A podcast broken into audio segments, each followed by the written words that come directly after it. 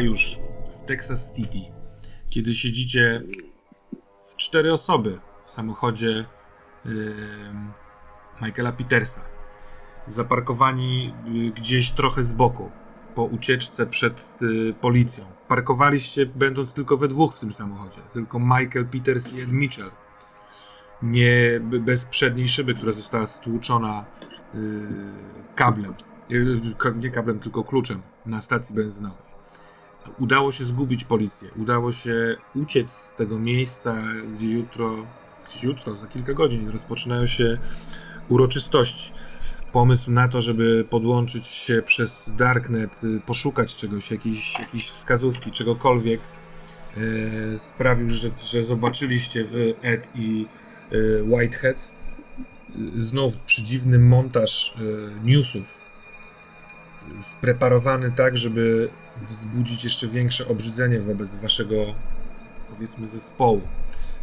Tych, który, którzy planują jakiś zamach terrorystyczny, jakiś wielki wybuch. Te wasze nazwiska ciągle się pojawiają. Yy, wracającego z długo zaginionymi osobami policjanta Dona Matthewsa potraktowano na komendzie jako yy, niespełna rozumu. Yy, wszyscy przez niego uwolnieni i on także zostają przewiezieni do szpitala miejskiego w Houston City yy, pod nadzorem policji, żeby uspokoić, żeby wyciągnąć od nich jakieś yy, racjonalne fakty, ale cały materiał jest zrobiony tak, że najprawdopodobniej to wy ciągle poszukiwani ponosicie za to odpowiedzialność. Ostatnie ujęcie tego materiału to policjant, który daje wywiad do kamery, ale może tylko wy, a może niekoniecznie wy. Przez chwilkę widzicie, jak materiał się kończy, jak jego głowa zamienia się w głowę tej dziwacznej istoty, którą spotkaliście we śnie na pustyni. O czaszko małpiej głowie z czaszkami ułożonymi w taką dziwną koronę z otwartą szczęką. Straszny widok. Natomiast Jeremy, który we śnie znowu tam wpadłszy, jak prze, przełączał kanał w telewizorze. Raz jest jawa, raz jest sen. Znowu wpadłeś w sen na stacji, stamtąd przydostałeś się do taksówki i znowu rozmawiałeś z tą panią, z twórczynią.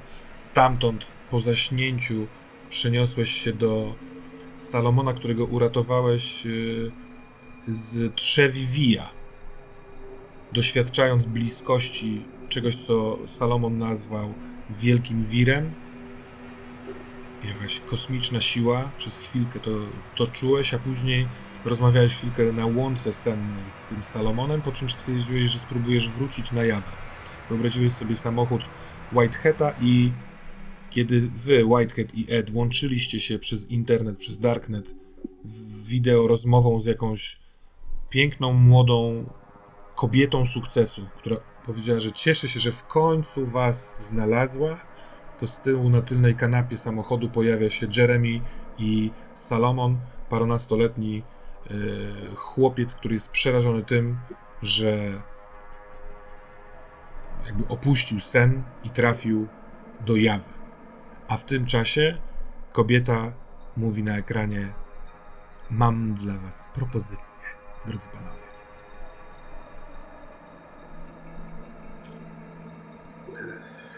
Ed się gwałtownie odwraca do tyłu i patrzy na, e, na, na, na Jeremiego. Kto to jest? E, co, co to za dziecko? Jeremy, przecież znasz go. Jeremy, ja muszę wrócić do snu, ja muszę wrócić do snu. Spokojnie, wrócimy. Ale ta pani ma, zdaje się, dla nas jakąś propozycję. O, pan Jeremy McMolay, jeśli się nie mylę. A z kim mam przyjemność? Daphne Reynolds, bardzo mi miło. Pracuję w zarządzie YouTube, jeśli jest pan zainteresowany. Ale tak się składa, że mm, propozycję mam na trochę później. Jesteście z tego co rozumiem w miejscu, które może was y, wpędzić w tarapaty. Rozumiem, że nie dzwoni pani w sprawie odblokowania mojego kanału. Poniekąd tak, panie Whitehead. Trochę zależy od tego, jaki ruch jest pan gotów wykonać. No natomiast, nie wrzucać już niebezpiecznych treści. och, niebezpieczne treści. Wie pan, jak to teraz jest. Ktoś zgłosi, musimy to brać pod uwagę. No, pomyślimy o tym. Ale jeśli macie ochotę porozmawiać ze mną dłużej, to polecam pokój numer 21 niewielkiego hotelu tutaj w Texas City. Nazywa się St. Andrews i gdybyśmy tam się spotkali, to tam będzie bezpiecznie. Żadna policja jeżdżąca po mieście, a teraz będzie jej coraz więcej, nie zobaczy waszego cokolwiek poturbowanego samochodu. Więc ważne, żebyśmy się spotkali. A na razie się rozłączę. Przejedźcie tam. Młody, co to ty... Co, o, o co chodzi? Co ty o tym myślisz? Ona znika. Myślę, że nie bardzo mamy wybór. Trzeba tam po prostu jechać to jak najszybciej.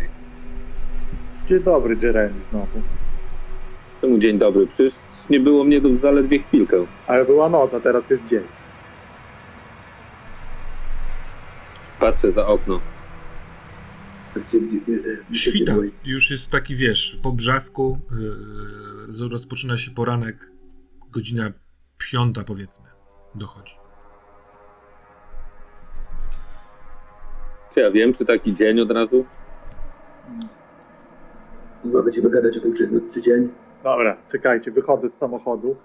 E, chcę z bagażnika wziąć jakieś bluzę, coś i tą szybę do końca usunąć, jeśli są resztki, bo to wygląda jeszcze gorzej. Już bez szyby wygląda, może ktoś się pomyli, że nic nie ma, to uprzednio, jeśli tam coś zostało.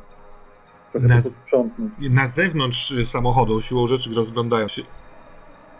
Raz, że widzisz jeden, wiesz, billboard, na którym są wasze twarze, y, wielki napis, prosimy o kontakt, poszukiwani i tak dalej, a dwa, że powolutku zaczyna się budzić miasto. Tutaj ktoś przechodzi już przez ulicę, może ktoś wraca z imprezy, ale tam dalej przejeżdża jakiś samochód y, i to będzie postępować. Tak to bywa z porankami w mieście. A jak ta szyba? Co, ona. y, Co byś chciał z nią zrobić? Raczej zakleić folią, czy wy. Raczej wyrwać wszystko, bo co, to, to będzie hałas. Y, W takiej, wiesz, por- porannej ciszy, bo miasto nie tętni dźwiękami, no to każdy stukot w szybę, wiesz, każdy upadek tego malutkiego kawałka na maskę, no to będzie brzdęk. Młody, zostaw to, jedźmy tam. Jeremy, ja nie wiem, co się stanie. Ja nie wiem, co się stanie teraz z Jeffem. Ja, ja, ja, ja nie wiem, ja, ja jestem ze snu, ja jestem jego snem. Ja nie wiem, dlaczego teraz tu jestem. Y, Nie martw się, znam gościa, który był zarówno na jawie i, na, i, i we śnie cały czas. Okej, Także spokojnie, poradzimy sobie. dobrze, dobrze. W razie czego wejdziemy do snu i po prostu tam zostaniesz. siadam. Dobrze, Jeremy, dobrze, dobrze. A, ale, ale mam lepszy pomysł, szczerze mówiąc. Jaki masz pomysł? Mam pomysł, żebyśmy razem z tobą tu na jawie pojechali do tego hospicjum, w którym leżysz. Dobrze. Ale to, zro- Zaraz. ale to zrobimy później. Jeremy, z- zaglądam do tyłu. Nie mamy, nie mamy za bardzo na to czasu. Nie, nie, no powiedziałem później. Później. Nie wiem, czy Jak będzie tu- później. Obchody się zaczynają niedługo. No dlatego jedźmy do tej Dafne i zobaczmy, Dobra. co ma nam do zaproponowania, Dobra, to bo Ed- zaczynają nam się kurczyć opcje szczerze. Ale wiesz, gdzie jest ten hotel? Że nie chcę używać Tak. GPS-u. Tak. Dobra, jedźmy. Dobra. No i jadę. E, trochę robiąc dobrą minę do złej gry, bo mam wybitą szybę. Pewnie ta rejestracja, którą jedziemy, jest już w bazie danych, bo już samochód mi nie jest czysty po ostatniej akcji. Mhm. I jadę na razie normalnie. Jeśli będzie policja i będzie zatrzymanie, to dopiero wtedy będę kombinował. Ja was poproszę o rzut na y, poszukiwanych. Y, na tą komplikację. Y, chyba stanęło na tym, że jeden z was rzuca na całą grupę. To ma sens według mnie. Ja mam minus jeden na komplikacje. Chyba to samo było ostatnio. Tak, ostatnio było to samo. Dobra, rzucam, bo widzę, że nikt się No nie... to rzucaj. ten-. O nie, no fatalnie. Maciuś, wyciągnij tylko, Rzuciłem tylko... 10. Maćku, wyciągnij tylko dwie, proszę, bo robisz to przy mikrofonie i... Dziękuję. Rzuciłem 10 minus 1 to jest 9. No, Mm, dobrze, to mam trzy holdy na was. mm. to się baw. Yy, No to skręcasz w ulicę, którą wskazuje ci Ed Mitchell. To wszystko tu jest dosyć blisko. Yy, Texas City nie jest bardzo obszerny. Yy, I mm, jest taka droga prowadząca prosto na yy, wschód, w stronę wody. Yy, Tu nieopodal w ogóle mieszka pan doktor Surfer, ale jest z prawej strony piętrowa restauracja z meksykańskim jedzeniem. Y, a tuż obok bardzo analogiczny, bardzo podobny budynek piętrowy, który jest tym y, hotelem Andrews. Y, No, ironia albo przypadek, ale naprzeciwko tego hotelu po drugiej stronie ulicy taki potężny stand jakby reklamowy, nie billboard stojący, tylko, taka platforma z y, y, ekranem i tam wasze twarze, też twarz Geraldine, bo ona też jest jakby razem z wami poszukiwana oraz Milton y, Most Wanted, poszukiwacze, poszukiwani yy, podejrzani o przygotowywanie zamachu terrorystycznego. Daj znać policji. Widząc to, ogóle Whitehead jest dziwnym nastroju, bo wydaje się w taki spokojny, ale taki irracjonalny sposób, taki rozbawiony trochę sytuacji już i nie, nie wiem, czy Remi, czy ty grałeś, bo Ed to pewnie nie, ale był taki Need for Speed, Most Wanted i po dzisiejszej akcji, jak ty zniknąłeś, to się ścigaliśmy z policją i przez moment myślałem, że jestem w tej grze. Wiesz, tam mieli trochę lepsze fury. Jak sobie gadam, zajmując czas, kiedy zjeżdżam w tamtym kierunku. Ja, Ale co, ale co, rzucałeś kolce na nich? Nie, nie, nie, mieliśmy kolców, ale chciałem zrobić jakiś wybuch, tylko Ed mnie zatrzymał. Ed patrzy trochę zaniepokojony na Whitehata, nie dlatego, że mówił o jakiejś grze, tylko dlatego, że widzi, widzi ten, e, te symptomy e, e, złamanego człowieka, który jest na wojnie. Znaczy, że ludzi, którzy zaczynają się po prostu śmiać albo i tak dalej, zna, zna ten wątek, że ktoś przeciągnięty poza jakąś granicę już przestaje się zachowywać emocjonalnie i to jest poprawia sobie broń tam pod bluzą i rozgląda No, się boki Ed. wszędzie. Ed, y, te, te paręnaście minut, które y, y, trwały zanim dot- dotarliście tutaj w pobliżu tego hotelu, y, jeszcze bardziej rozbudza miasto. Oczywiście absolutnie nie ma żadnych tłoków tutaj, ani nic takiego, ale tu przejechał już autobus pierwszy miejski, tutaj przejechał jakiś dostawczak y, do sklepu, więc y, ten ruch niewielki oraz to, że wejście do hotelu jest naprzeciwko wielgachnego plakatu, podpowiada ci, co wy właściwie chcecie zrobić. Wejść, wynająć pokój pod swoje nazwiska, nie pod swoje nazwiska? W- Nie, no przecież ona powiedziała, że jest w pokoju 23. 21? No, no nie, 21. nieważny numer, ale no powiedziała, żeby, żebyście wy tam się udali. No, no to wysiadamy i idziemy.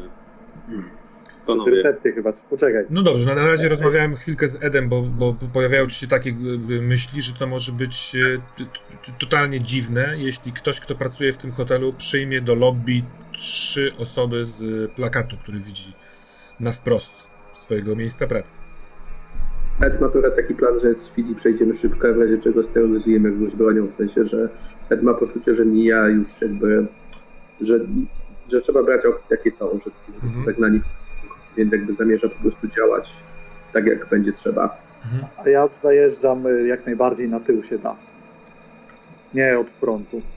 Nawet nie mówiąc o tym za wiele, po prostu zajeżdżam Mhm. najbardziej z tyłu. Na tyłach budynku jest y, parking dla gości hotelowych, wejście takie właśnie dla gości od strony parkingu. y, No więc tak. Dobra, to chodźcie za mną. Szybko, przy, przychodzimy szybko i od razu idziemy gdzieś na stronę tych pokojów. Schowajcie te ramiona i wysiada bardzo szybko i rusza szybko w stronę drzwi. Wszystko robi takim, nie na tyle, żeby biec, to wzbudzać nieufność, ale prawie, że Ja też wysiadam. Dobra. I, po, I pokazuję gestem y, Solomonowi, żeby szedł z nami. Tak, tak, on się y, trzyma bardzo blisko ciebie. Widzisz, że on, on jest zatrwożony. Ta sytuacja dla niego jest cały czas nierealna, nieprawdziwa. On nigdy nie był tu na jawie, więc y, on się cały czas blisko ciebie trzyma.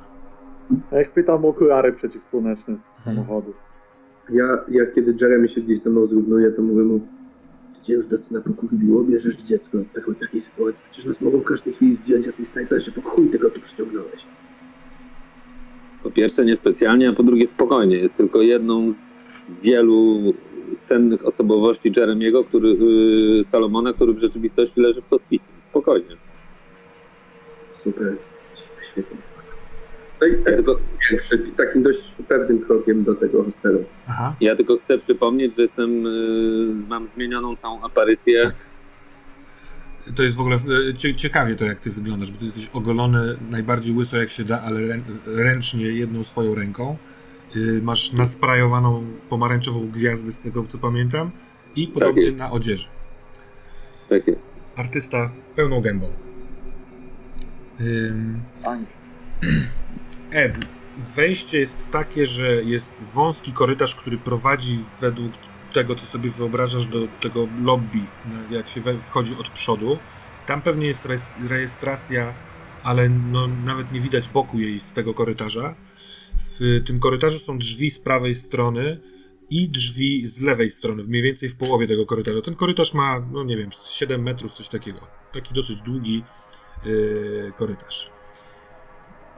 Więc nie do końca jest dokąd stąd pójść, tylko prosto do tego lobby, albo któ- któryś z tych drzwi. Jak Nie. podchodzisz na wysokość tych drzwi, to z lewej strony jest staff only, taki jakby, no, może trochę by się zgadzało z tym, co widzisz na przestrzał przez ten korytarz, że bardziej te lobby i re, e, recepcja jest z tej lewej strony, a z prawej strony są, jest, e, oszklone są te drzwi i jest klatka schodowa.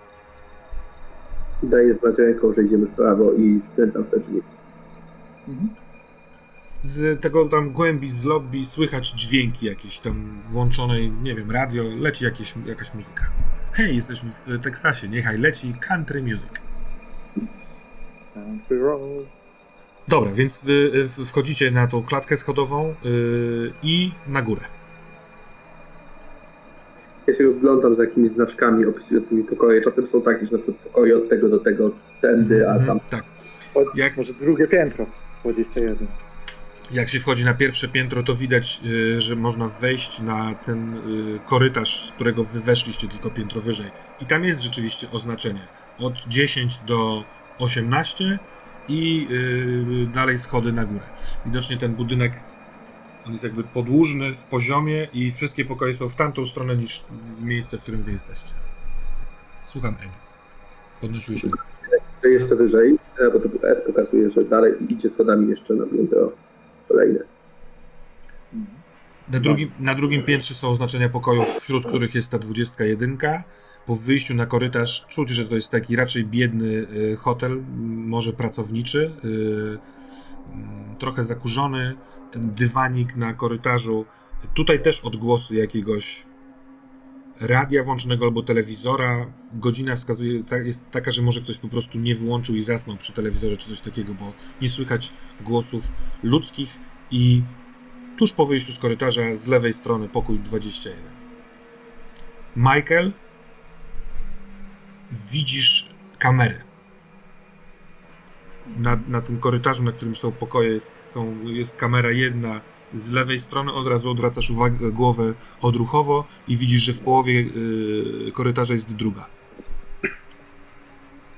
Czy, e, czy już trochę za późno z tymi kamerami? Czy, Y, jeszcze, czy już się wpakowaliśmy? Wiesz, no, nie idziesz pierwszy, więc ktoś Mhm. został już na pewno złapany. Yy, oraz totalnie nie pamiętasz, czy na dole w tym korytarzu pierwszym, jak weszliście, były, czy nie były. Nie zwróciłeś uwagi. To screw that. Mhm. Tak robię, że niby Mhm. jesteś zmęczony ręką i tyle. Ja, ja e, pukam do tego pokoju, takie szybkie dwa. Nic nie odpowiadać. Wyciągam broń. Mhm. Tak nie czaję się z nim za długo, żeby ktoś, kto idzie, nie widział gościa z bronią, tylko wyciągam broń, patrzę na pozostałych, że będę wchodził i stanowczo pociągam za klamkę i otwieram drzwi i wsadzam pistolet i patrzę. Są otwarte. Yy, yy, otwierają się dosyć łatwo. Wchodzisz do środka. Masz wrażenie, że ktoś albo czeka, albo jest pusto. W sensie nie słychać żadnego dźwięku użytkowania czegokolwiek. Natomiast zapach jest absolutnie rzucający się no, w nos w tym przypadku, bo to są perfumy kobiece. Nie, nie takie przeintensywne jak w sklepach z yy, takimi rzeczami, tylko bardzo ładne. Albo tu jest kobieta, która ładnie pachnie, albo była jeszcze niedawno.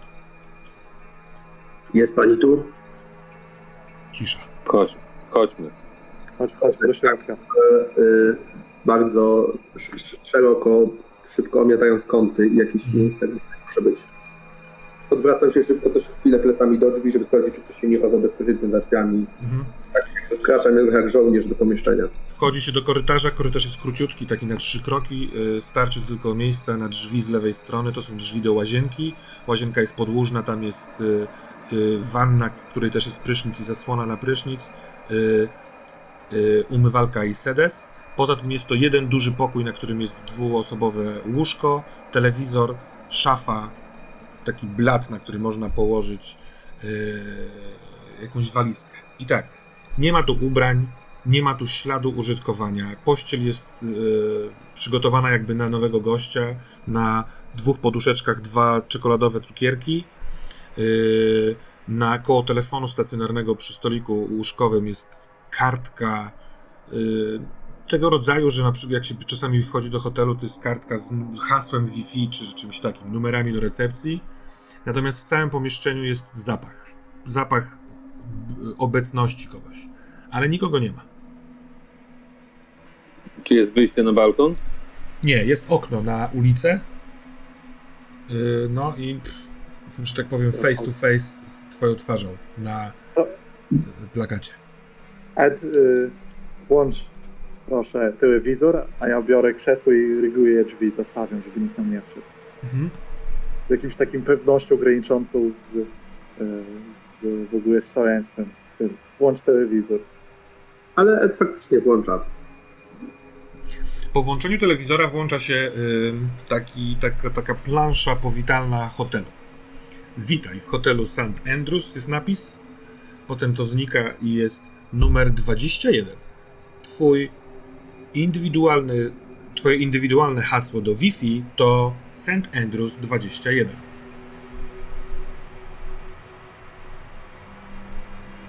Ryguję te drzwi. Ty, jak, jak puścić normalną telewizję z tego? Masz pilota w ręku. Kombinujesz czy nie? Tam jeden po prostu. Oho, włącza się jeden. Włącza się dziennikarka, u- ładna taka prezenterka, która z mówi: Zostały jeszcze tylko 4 godziny do rozpoczęcia obchodów yy, naszej rocznicy. Mimo zagrożenia, yy, które zostało wykryte w odpowiednim czasie przez policję, sprawcy są ciągle poszukiwani. Pozwólcie Państwo, że przypomnimy ich sylwetki bo to bardzo ważne, żeby w końcu trafili do wymiaru sprawiedliwości, żeby spotkała ich kara za to, na co się. Ton wypowiedzi jest nie do końca dziennikarski, tak jak go kojarzycie. To jest lincz słowny, to co się dzieje, oraz wizualny z tymi wszystkimi plakatami. Ale to chyba dla Was już jest jasne. Seria Waszych zdjęć. Ym, wywiad z policjantem, który was ścigał dwie godziny temu, może godzinę temu. W samochodu. Widać nagranie z takiej kamerki policyjnej pod lusterkiem, jak wasz samochód z wami wyjeżdża na główną ulicę z płotu tych chemicznych y, y, budynków tego przemysłu chemicznego i ucieka. Jak w Boss Wanted, widzisz? To, tu patrz, patrz jak z zakręt wejdę teraz. Słabo jeżdżą. Siada na łóżku i na chwilę chowa twarz w dłoniach. Odkłada pistolet obok, po czym znowu pobierze. Dobra, co robimy? Słuchajcie. Ja mam dwie, teorie. Albo czekamy, albo e, Jeremy próbuj nas przenieść do snu stąd. Może jest jakieś przejście do bezpiecznego miejsca. Nie wiem jak to robisz, ale wcześniej to robiłeś. W jakiś dziwny sposób. Jakaś brama? Ja patrzę na Jeremiego. Wzięli Geraldine do szpitala, kurwa, robiąc mi wariatów, rozumiesz? Mojego syna też ja... Ja, co wy myślicie, że to spierdolimy w jakieś sny i co, będziemy tam mieszkać i tego szejka w tym namiocie? Nie. Nie o to chodzi, ale musimy się spotkać. Ja wstaję, staję na środku pokoju, zaczynam się obracać wokół własnej osi tak lekko z rozłożonymi rękami i mówi Mówię, Daphne? Daphne Reynolds? Dostajesz Jesteśmy. powiadomienie, Michael, na telefon. Faks. Patrzę. Skrzynka mailowa i yy, no zapraszam. Jest mail od nie, no name'a, jakby nie ma jakichkolwiek loginów. Musimy wejść. Może tak samo się trzeba połączyć jak przed chwilką w samochodzie. Odpalam w sumie laptopa. Mhm. Podłączam do telewizora, może ma HDMI. Wiesz co, po pierwsze tak, twój komputer wykrywa y, sieć y, hotelu St. Andrews y, oraz oczywiście można HDMI się podłączyć z telewizorem. Y, tam wiesz, z automatu, chyba że to wyłączyłeś kiedyś default, nie defaultowo, ale jest Mm, pytanie, czy chcesz się połączyć z tą siecią. Ale no wiesz, jako komputerowiec wiesz, że taka jest możliwość. To jest... e, tak, właściwie już wbrew rozsądkowi się łączę z tą siecią. Mam, mam firewall i parę, więc nie robi mi. Wzmożone środki y, bezpieczeństwa, które poli- policja Texas City przyjęła. Dobry wieczór. A właściwie dzień dobry, tak będzie chyba prościej. Dziennikarka zamieniła się w tę samą kobietę, którą widzieliście w komputerze. Ona jest ubrana tak jak ta dziennikarka przed chwilką. Siedzi w tym samym studio. Przybiera podobne pozy takiej wypracowanej telewizyjnej y, pracownicy, ale patrzy na was i o tym wiecie. Co jest do chuja? Co kurwa znowu za sztuczki? Czemu, czemu nie możecie kurwa komunikować się z nami jakoś normalnie? W sensie, ja wiem, że widzieliśmy dostatecznie dużo popierdolonych rzeczy, ale to nie pomaga, rozumiesz? Jak chcesz mieć nas jakąś pomoc, nie mogłeś tu przyjść albo kurwa zadzwonić telefonem. Nie, Eddie, no przecież wy jesteście poszukiwani. Co ty myślisz, że będę ryzykowała wspaniałą karierę i możliwość wykorzystania swoich sztuczek, telewi- te, ma- magii telewizji, spotykając się gdzieś kurwa w Texas City? Przecież wy jesteście po tych wszystkich swoich akcjach pewnie brudni i śmierdzący, co? Więc zostawiłam tylko co trzeba i umknęłam. A teraz trzymajcie mordy i posłuchajcie, co mam do powiedzenia. Uśmiecha się uśmiechem za milion dolarów, jest wspaniała, pełna sukcesu. I mówi tak.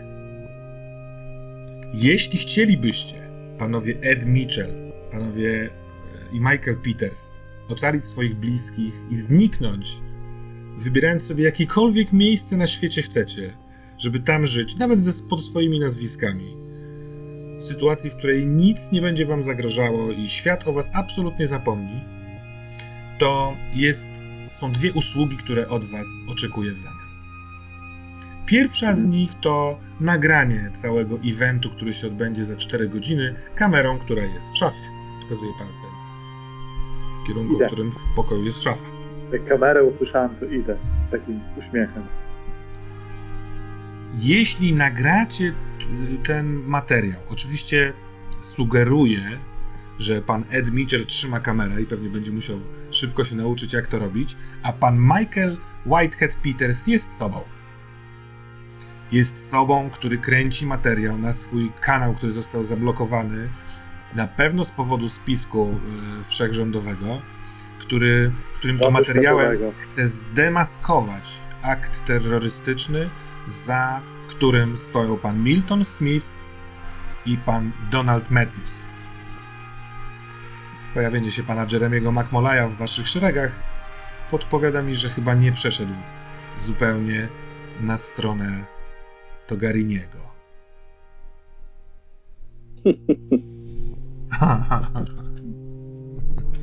Spójrzcie, jak się dworsko śmieje.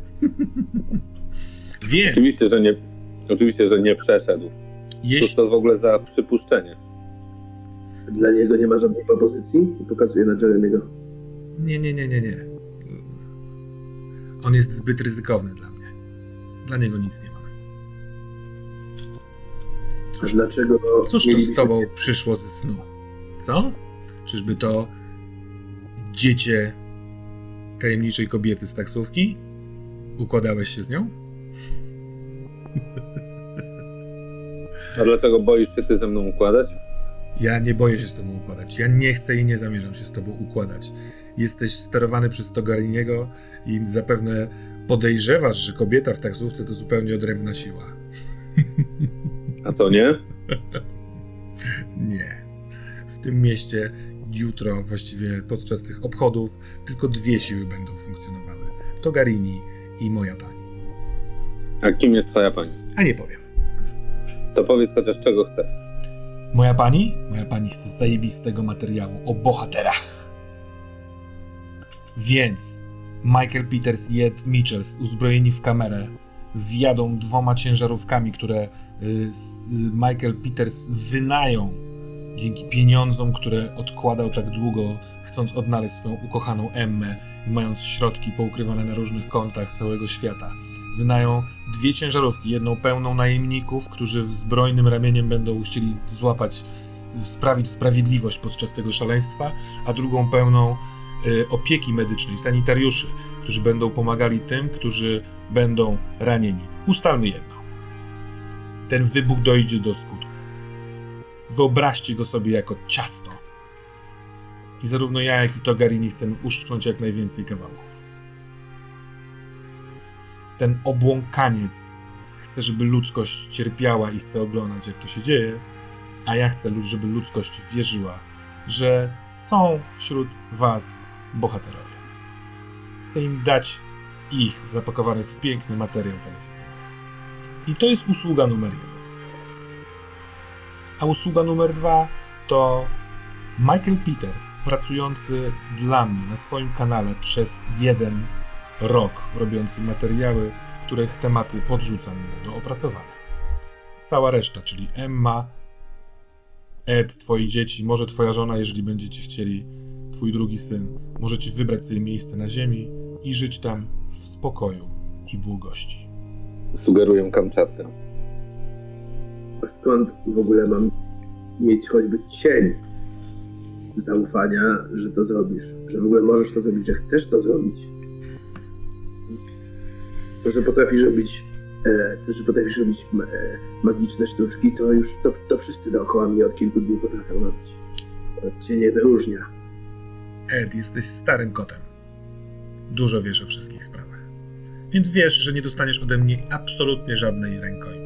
Nie podpiszę ci papieru, a nawet gdyby, ten papier nie miałby żadnego znaczenia. Natomiast jaka jest alternatywa?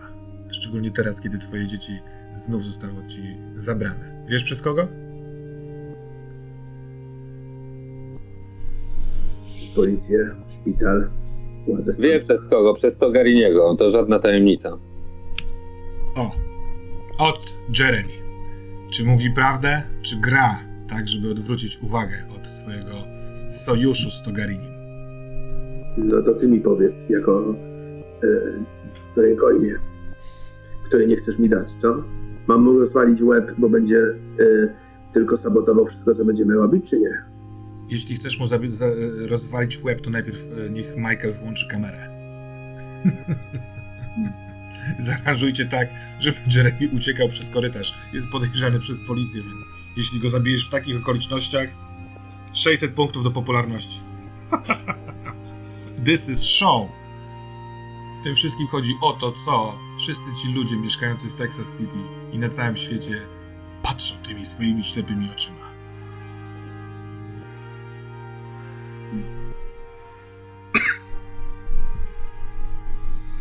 Nie ma rękojmi, nie mam żadnych e, podejrzeń wobec e, Jeremiego. Wiem, że od wielu lat jest sterowany przez e, Togariniego. Sterowany to może złe, źle powiedziane. Jak to odczuwałeś, McMurray? Byłeś inspirowany? Coś prowadziło twoją rękę? Widziałeś się w snach, na przykład z nim? Przykro mi, pewnie trochę jest, bo możesz mieć świadomość wydmuszki, jaką jesteś. Żebyś się nie zdziwił. Bardzo lubię się dziwić. Co? W sensie, kim jesteście, ty i ten Togarini? Togarini to brzmi jak jakiś kurwa e, z, z, z włoskiej dzielnicy typ, który, który kurwa robi pizzę za dnia, wieczorem goni dla mafii, więc kurwa trudno mi traktować to, to, to wszystko mi się okazuje, że to jest chłop potężniejszy niż, niż Trump i Putin razem wzięci. Co ty? Co i kim ty jesteś? Jesteście jakimiś bogami, kurwa, jesteście diabłami, jesteście, nie wiem, jakimiś ludźmi, którym odpierdoliło od pieniędzy, zamknęliście się na jakiejś wyspie z internetem. robicie z operacji plastycznej i wydaje wam się, że dostąpiliście boskości. Kurwa, kim wy jesteście? Na szczęście pogoda na dzisiejszy poranek zapowiada się fantastyczna. Słońce, zero opadów, zero zachmurzenia. A więc pamiętajmy, Bóg ma pieczę nad obchodami, nad, nad dzisiejszą uroczystością. Pamiętajcie też, że y, catering podczas całych obchodów dostarcza Togarini Pizza. Pokazany jest y, plansza taka reklamowa z logiem Togarini Pizza i tak dalej. Y, Więc dzwońcie, jeśli jesteście głodni, a y, na całym nabrzeżu będą otwarte stanowiska, na których ci z Was, którzy zdecydują się jednak przyjść na zobaczyć na żywo, a nie przed telewizorem, będą mogli poczęstować się y, na koszt miasta Texas City. A teraz reklama. Widzicie, że się trochę rozluźnia? I patrzy ci w oczy, Ed, mimo tego, że to jest ekran telewizora, to takie masz właśnie przeświadczenie. Whitehead, w, po otwarciu szafy widzisz, że na półce na wysokości pasa leży kamera bez y, y, żadnego tam opakowania, bez niczego i to jest taka kamera sprzed 10-15 lat, którą się nakłada na dłoń, niewielki prostokąt z otwieranym takim łyc, ekranikiem, łatwa w obsłudze, nic wielkiego. Z- To patrzę, biorę, ale zerkam jeszcze na ekran. Jeszcze jest Daphne tam? Jest, jest, patrzy, patrzy na was. Czy... Czy się śmieję? to- Mm, Czy... Czy w tych wszystkich stronnictwach nie ma kogokolwiek, komu zależałoby na zatrzymaniu tego wybuchu? Tak pytam z ciekawości, bo widzę, że wszyscy chcą z niego skorzystać, ale nikt jeszcze nie powiedział o, możecie być bohaterami, może nie wybuchnie. No, wiesz co, e, panie, Mac- panie Peters, to pewnie znalazłby się ktoś, ale widocznie za późno się zorientował, że to może być coś fajnego. Gdyby się chciał zdecydować, to pewnie po to, żeby zagrać na nosie Togariniemu. Ja, prawdę mówiąc, cały ten plan robię dlatego, bo z, z, wpadłam na trop odpowiednio późno. Próbuję odciągnąć linę jak najdalej od Togariniego. Lubię się z nim sprzeczać. Jesteśmy, bo pan wcześniej spytał pani Mitchell w ten swój e, jakby to powiedzieć, staroszkolny sposób, kim jesteśmy. E, nazwy własne niewiele powiedzą. Jesteśmy dwoma obliczami tej samej karty. Czy wy jesteście z Metropolis? I rzucam zupełnie bryfły. Hmm. Czasem jestem taka dumna z siebie. Z tego, jak fantastycznie dobieram ludzi do odpowiednich funkcji. Pan, panie Peters, ma pan wejrzenie w show biznes dokładnie takie, jakiego szukam. Szybko się domyśla spraw, łączy fakty, zachowuje zimną krew. Takiego reportera na miejscu e, akcji za parę godzin będę potrzebował. Czy jesteśmy z Metropolis? Tak, wszyscy jesteśmy z Metropolis. Może poza nim i pokazuje palcem w stronę małego Salomona.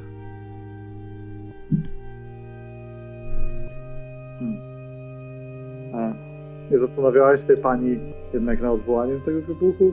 Nie, żeby mi to już teraz robiło, ale jest to dla mnie niesamowicie intrygujące, jak wszyscy mogą być pewni tego, że to się wydarzy. Czy jest aż tak to ułożone? Aż taki jest to plan nie do przebicia? Bo ja, słysząc coś o tym Togarinim, mam wielką ochotę zepsuć mi wszystkie plany. Jak chciałby pan zepsuć plan komuś, kogo pan nie widział? Nie wie pan, gdzie ten ktoś jest, w jaki sposób funkcjonuje? Jak chce pan spróbować znaleźć e, tę postać, którą nazywacie kleryczką? Przez chwilkę ona pokazuje ręką, tak jakby prezentowała coś i tak jak to w telewizji czasami bywa, pojawia się takie ok, wiecie, okienko. Na tym okienku jest uchwycona jakby zdjęciem ta straszna, straszna twarz. Yy, I Whitehead kuje cię w żołądku. Ty wybrałeś wcześniej, że, że masz reakcję bycia yy, nawiedzanym przez to. Yy, Emma została przewieziona z komendy w Texas City do Houston City do szpitala przez tę osobę udającą policjanta. To się wydarza teraz albo wydarzyło kilka chwil wcześniej. Możliwe, że oni właśnie się logują do szpitala, a ty w szpitalu, tutaj w hotelu, zadajesz frywolne pytania. Więc na pytanie, czy ktoś jest w stanie zatrzymać ten wybuch, nie obchodzi mnie to. Ja chcę, żeby się odbył. Togarini chce, żeby się odbył, a nasza wola jest nieugięta.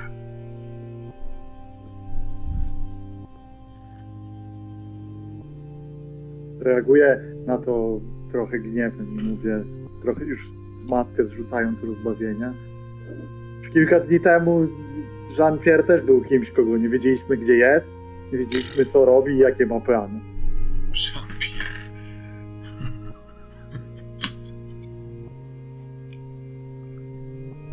Dobra, zrobimy to i tak nie mamy innego wyjścia. Szkoda tracić czasu.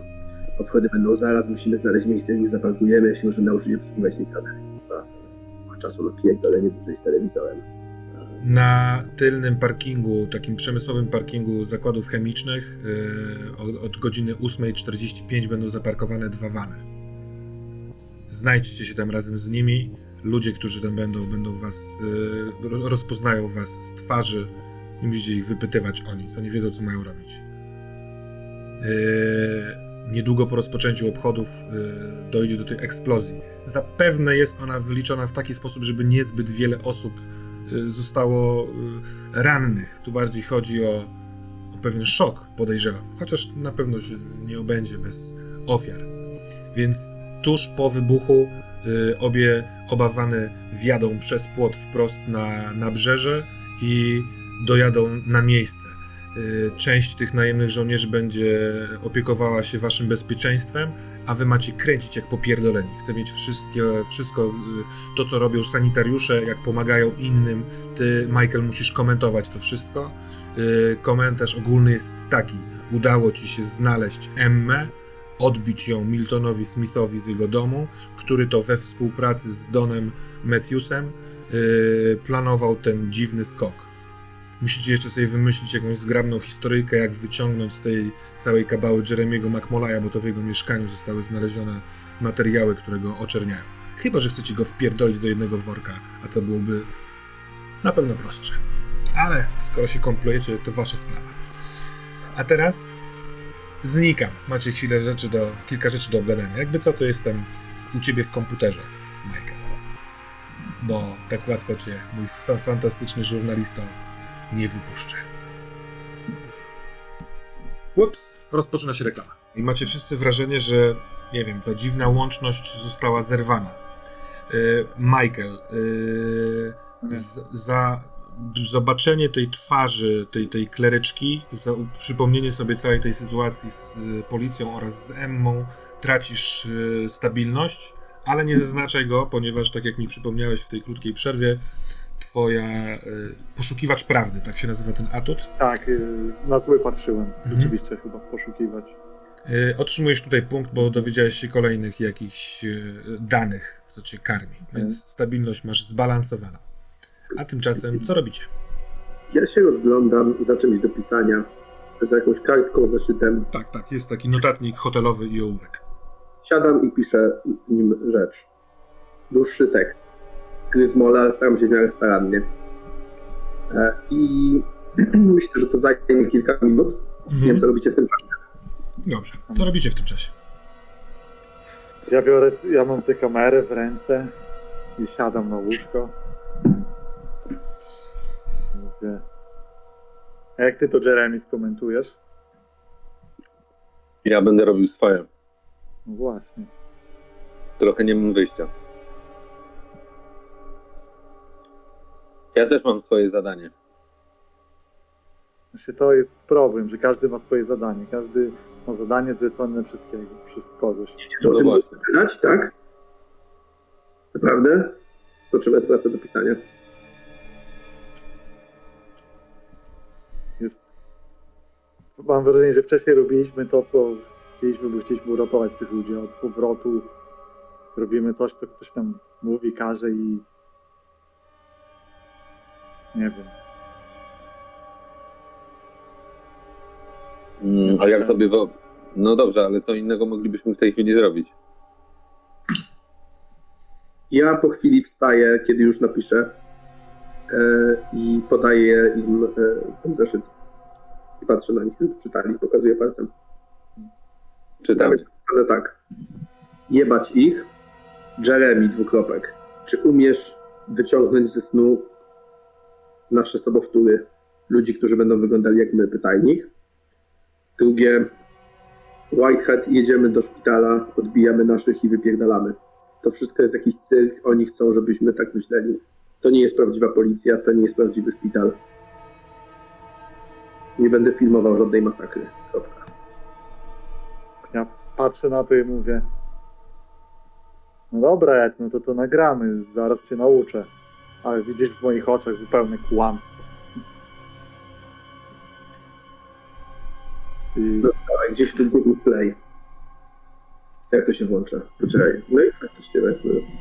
Jest, e, A Michael, e, jest mała nieoczywistość z tą kamerą, bo cała obsługa jest oczywista i wiesz, jasna, to jest, ona jest całkowicie naładowana, więc powinna starczyć na e, parę godzin nagrywania, ale ona ma w jednym miejscu od spodu, w jedno z takich jakby wejść kabelkowych, włożoną taką jakby plastikową pineskę.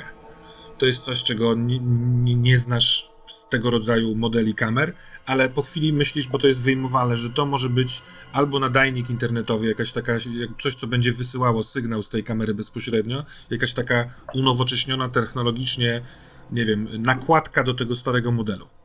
Co wydaje ci się intrygujące pod względem technologicznym, bo to jest jakaś nowinka, a. Yy... Ale nie znasz czegoś takiego. Mhm. Ja biorę ten zeszyt i piszę w tym zeszycie, mm, robię strzałkę od pytania, które było skierowane do mnie i, i piszę nie mam zielonego pojęcia, ale mogę spróbować. Dobra, Podaję Edowi. Zerkam przez ramię, co tam jest i mówię. No dobra, ale to musimy chyba wyjść e, do samochodu i tu nie możemy zostać za długo. I tak patrzę na ten telewizor, patrzę na kamerę, na laptopa, porozumiewa. Zabierajmy się stąd, bo... I tak, I tak nas słyszy przez laptopa przecież. Myślisz? No przecież jak tylko powiedziałem Daphne Reynolds, to dostał Whitehead dostałeś maila. No to a, więc skoro ma połączenie z twoim laptopem, to, to znaczy, że przez niego również może słyszeć. Tam jest wszystko, mikrofon, jest są głośniki, jest nawet kamera, jakbyś ją odwrócił, więc a. Skoro, skoro się Moja kamera, drogi kolego, jest już dawno zaklejona i nie warto na tych laptopach mieć niezaklejonych kamer, bo agenci FBI podglądają każdego. Także Ludzie, ludzie, ludzie, czy widzieliście to samo co ja, że baba się pojawiła w wiadomościach i mówiła zamiast, w sensie, o czym my kurwa w ogóle rozmawiamy. e, prawda. No właśnie. mnie to już w ogóle nie dziwi. Z tego co pamiętam, to jeszcze niedawno biegaliśmy po jakiejś dziwnej krainie snów, w której chłop trzymał ludzi w jakichś dziwnych studniach. Ed mówił to, e, patrząc na Jeremiego, że skoro, skoro mamy jeszcze trochę czasu i jesteśmy w hostelu, który jest w miarę bezpieczny, to może się jeszcze prześpijmy z godzinkę i patrzę wymownie na Jeremiego i na zeszyt. Cztery No godziny. Cztery godziny do zaczęcia obchodu. Dobrze nam zrobi, jeśli mamy e, wszystko to zrobić. Tak, tak naprawdę możemy spokojnie się kimnąć, to nawet na dwie godziny albo i trzy. Ustaw budzik w komórce młody. Chyba Wiecie, 45 najemnicy służba z tyłu. Jak mówię głośno. Trochę gram nadal, nie wiem czy warto, bo ja tam na te gadanie Jeremiego nie za bardzo uwierzyłem, ale zostawiam ten budzik. Ale wydaje mi się, że oni tam coś się kładą, ja chyba nie będę w stanie spać i odpalam laptopa, chcę pogrzebać, e, zobaczyć czy coś nie gra. Właściwie W momencie, kiedy- jest w moim laptopie. Yy, yy, Jeremy i Ed, wy próbujecie się położyć, bo jest jedno podwójne łóżko, jest jakieś, jakieś takie fotelo krzesło. Yy, ten młody Salomon się kładzie na tym, bo on jest jakby mniejszy, więc on się sie- siedząco kładzie w takim fotelu. A wy? Jaki plan? Ty jesteś Jeremy cokolwiek połamany jeszcze i obolały yy, po wielu ranach. Ty, Ed, też jesteś dosyć ranny chyba, co? A Ed był wyleczony. Ja byłem chyba wyleczony, bo to wszystko było we śnie. We śnie, tak, tak, tak, tak, tak, tak, już pamiętam. Tak. Natomiast Ed jakby nie wie, czy zaśnie, ale ma takie przekonanie, że tak czy siak będzie akcja i, i warto jest złapać chociaż chwilę odpoczynku, takiego jaki się będzie dało. Mhm. Więc faktycznie się kładzie. trzyma tam broń w pobliżu i e, próbuje chociaż złożyć oczy na chwilę. Czy mu się uda, to trudno powiedzieć. A ty, Jeremy? A ja siadam koło, koło tego miejsca, gdzie jest Salomon. Mhm. Możesz usiąść na skraju łóżka, tak twarzą w twarz z nim, yy, siedzącym na fotelu. Zamykam oczy, łapię go za rękę i. I wyobrażam sobie. I wyobrażam sobie to miejsce z tym, e, z tym menhirem. Staram się je zobaczyć po prostu przed oczami, Tę waszą łąkę, tak? tą naszą łąkę. I chcę wyobrazić sobie nas obu tam. e, I chcę przeskoczyć. Więc y, Peters, y, Whitehead, otwierasz komputer i uruchamiasz go, żeby sprawdzić, co to znaczy, y, że ona jest wszędzie.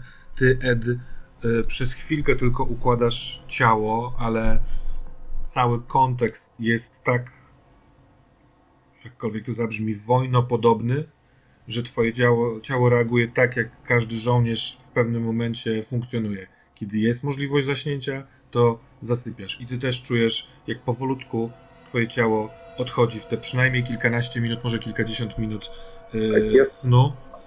Pozwala na to, tak. A ty, Jeremy, yy, czując rękę yy, Salomona w swojej, yy, ona delikatnie drży, tak jakby on cały czas drżał ze strachu, ale w momencie, kiedy zaczynasz czuć najpierw zapach zieleni, później zaczynają dochodzić do ciebie yy, takie kinetyczne wrażenia ras, ro- rosy na twarzy, powiewu wiatru, świeżego powietrza na twarzy, to ta ręka się uspokaja i kiedy zaczynasz słyszeć ptaki, które są też jakby znakiem rozpoznawczym tej łąki, to wśród śpiewania tych ptaków słyszysz sygnał nadjeżdżającej policji.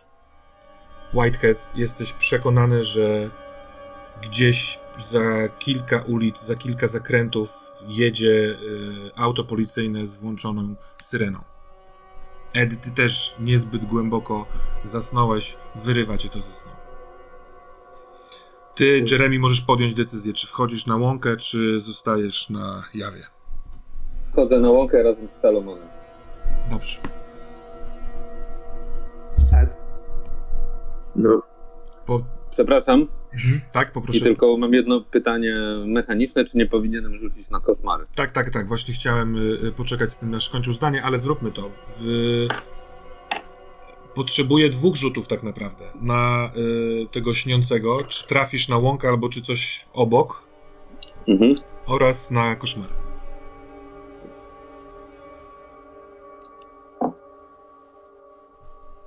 Dobrze. E, Jeśli chodzi o łąkę, to wynik jest 9.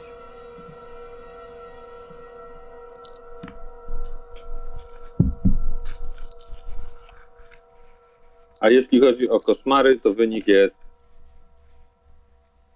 Bo mam minus 1, prawda? Cały czas. Więc wynik jest 5. Tak, masz cały czas minus jeden. W, przy, w przypadku koszmarów masz pewnie minus dwa, bo masz minus jeden na, za zmęczonego i minus jeden za twój stan stabilności. Ty byłeś niewyspany, nie udawało ci się zasnąć, więc Mhm. miałeś minus jeden na wszystko, dopóki nie odeśpisz. Więc... Y... No to ciach.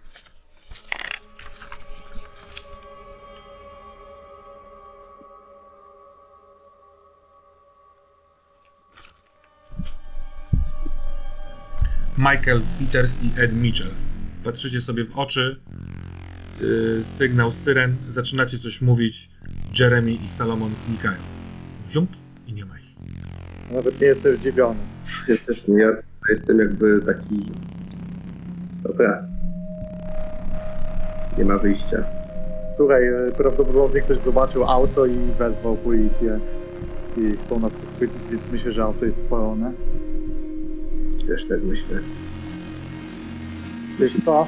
Jest bez auta sobie nie poradzimy w tym pieprzonym mieście. Wiem i... Chodźmy, wiem, wiem, że się wkurwisz teraz, ale chodźmy do krain snów porozmawiać i przejść tamtędy. Pójdziemy do tego czarodzieja. i się pojawimy gdzie indziej po prostu. Nic, no, za sen następny, trudno. Ja patrzę na, na Whitehata. Widocznie już mi odjebuje zupełnie od tego wszystkiego, bo to jest dobry pomysł. W sensie, jeśli tymi jebanymi krainami znów można chodzić, przeskakiwać z miejsc do miejsc, to jest najlepszy sposób, jak kurwa chodzenie kanałami, kiedy miasto jest zajęte. W sensie, dobra, ale Minus jest taki, że stracę laptopa, ale w dupie to mam. I e, robię coś takiego, że chcę ten kod wbić e, pod prysznic, daję. Po prostu laptopa chcę postawić gdzieś pod prysznicem blisko półeczki, odpalam wodę i chcę przejść, tak żeby jak woda się zapełni, to ten laptop się spali czy wpić. Dobra. Po prostu my, zostawię go i się spali, bo będzie w prądzie. Czy wpisujesz kod pierwszy, czyli ten, który prowadził was na drogę na piasku z karawaną, czy kod numer dwa do miasteczka Khalila? To, to kod numer dwa. Mo, moim planem jest zrobić z nim jakiś układ następny, co następny styl, chcę tam trafić. Mm, Dobrze, to. Nie testowaliśmy wcześniej Twoich jakby przejść przez. Nie. e, Tak, tak, tak, bo to informatyczne przejście. Nie, nie, nie, nie. E, Co prawda, ten sygnał policyjny jest już na tyle głośny, że jesteście świadomi, że zajechał pod hotel, pod główne wejście. Chcę zauważyć, że drzwi do pokoju są zostawione. Tak, tak, tak. E, Po prostu jest, jest blisko jest ta cała obława, kiedy obaj przechodzicie do e, miasteczka, do o tej oazy na pustyni. Kilkanaście namiotów, e, parę palm, strumień, a właściwie taka, taka, taki, taki, taki gejzerowaty strumień, który robi niewielkie bajoro, ale ze świeżą wodą tryskającą z wnętrza. E, Arabski język wśród ludzi, którzy o zmierzchającej porze na tej pustyni przygotowują obóz. Tu jedzenie, rozmawiają ze sobą, rozjuczają wielbłądy. I e, kiedy stoicie na piasku, to parę kroków od was e, stoi Khalil. Niski, lekko, z lekką nadwagą, w takich bardzo luźnych, zwiewnych szatach. Jeremy.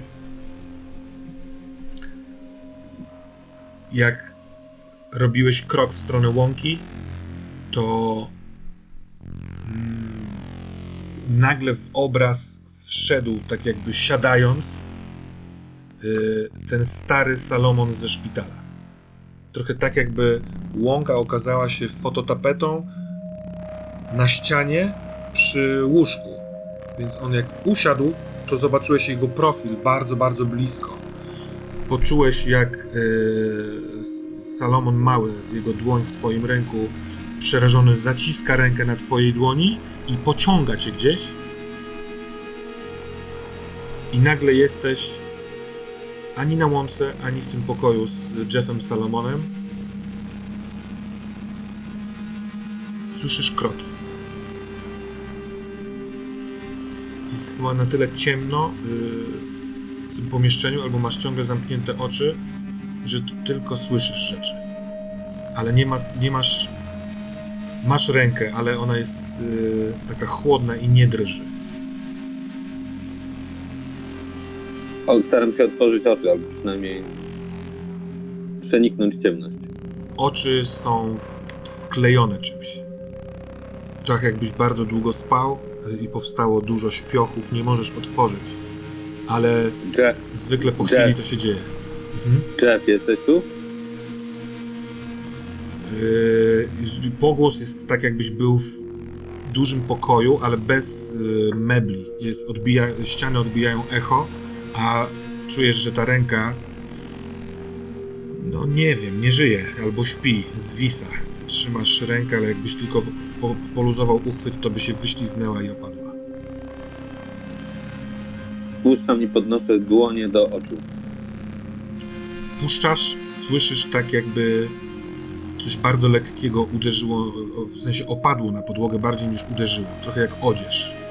I kiedy podnosisz ręce do oczu i dotykasz swoich oczu, to czujesz kleistą substancję na swoich rękach, na palcach. To jest mokre, to się klei i czujesz, że masz tego dużo w oczodołach. Mhm, staram się to rękami jak gdyby wytrzeć z oczu. I trochę wydaje się to karkołomne, bo jak nabierasz coś, to rozciągasz, to rozciągasz, to rozciągasz, ale masz wrażenie, że to bardziej spływa z twoich palców z powrotem do tego oczodołu. Nie do końca jest jak to uchwycić. Próbujesz to wygrzebać, aż jakby wiesz, szorując y, opuszkami o, powu- o, o powieki, ale konsystencja tej galaretowatej mazi jest tak duża, że y, no nie może się odkleić. Poza tym przez to, że to ruszasz, to czujesz zapach. To, y, to ma taki starczy zapach, taki jakby starej, starego pokoju. Jakby ktoś bardzo długo leżał, brał leki i te kroki. Jakie to są kroki? Jakie kroki słyszysz? Powolny, ale coraz bardziej blisko. Tak jakby ktoś szedł po schodach. Mhm. Wchodził na górę, czy schodził na dół? Wchodził na górę do mnie, do Mhm. tego pomieszczenia, w którym jestem. Mhm. Słyszysz szurnięcie? Co ty robisz, McMolay? To jest głos y, stanowczy, męski. 40-50 strzelasz. Nie znasz tego.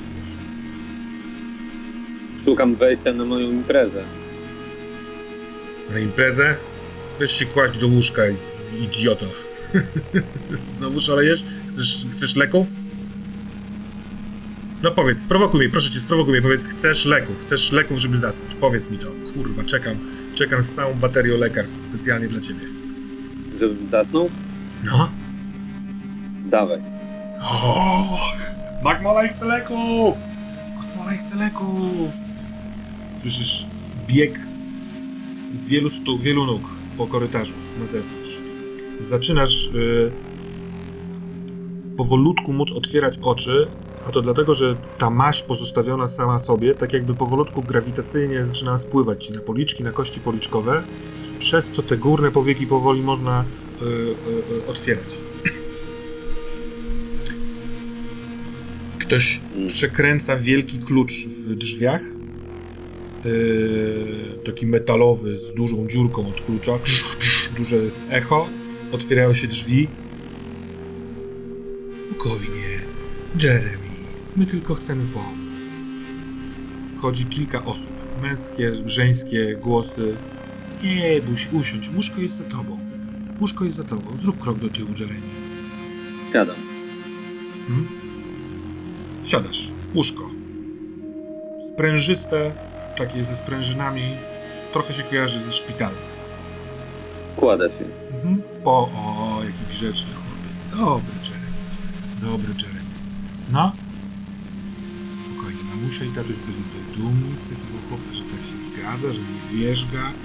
Połóż rączki na klatce piersiowej, tak żebyśmy widzieli. Kładę rączki na klatce piersiowej, tak żeby widzieć. Mhm. A teraz y, otwórz buzię, tak żebyśmy mogli wrzucić ci tabletki. Otwieram buzię. Chwila ciszy, oczekiwania, trzeszcząca podłoga, kiedy ktoś robi krok i czujesz jak od z jedynki górnej odbija się pigułka i wpada do środka, a za nią następna, następna i ich potok. Wpada do, twojej, do twoich ust w kilka sekund naście tabletek. Oczywiście one zatykają przełek, próbujesz odkasznąć. Co robisz? Połykam i w momencie, kiedy połykam, to skoncentruję się na tym, że one miały mnie uśpić. Mhm. Więc chcę, żeby mnie pociągnęły do innego snu. I chcę, żeby mnie pociągnęły do krainy tego Jeremiego czarodzieja. Do krainy Jeremiego czarodzieja. Yy, Kiedy przełykasz, to bardzo trudno mi sobie to wyobrazić, co się dzieje, kiedy tych tabletek jest za dużo, kiedy człowiek w pozycji leżącej próbuje przełknąć, ale chyba wiedząc, że to jest część snu, łatwiej jest powstrzymać jakieś takie odruchy wiem, mające utrzymać cię w, zdrowy, więc dławisz się tymi tabletkami.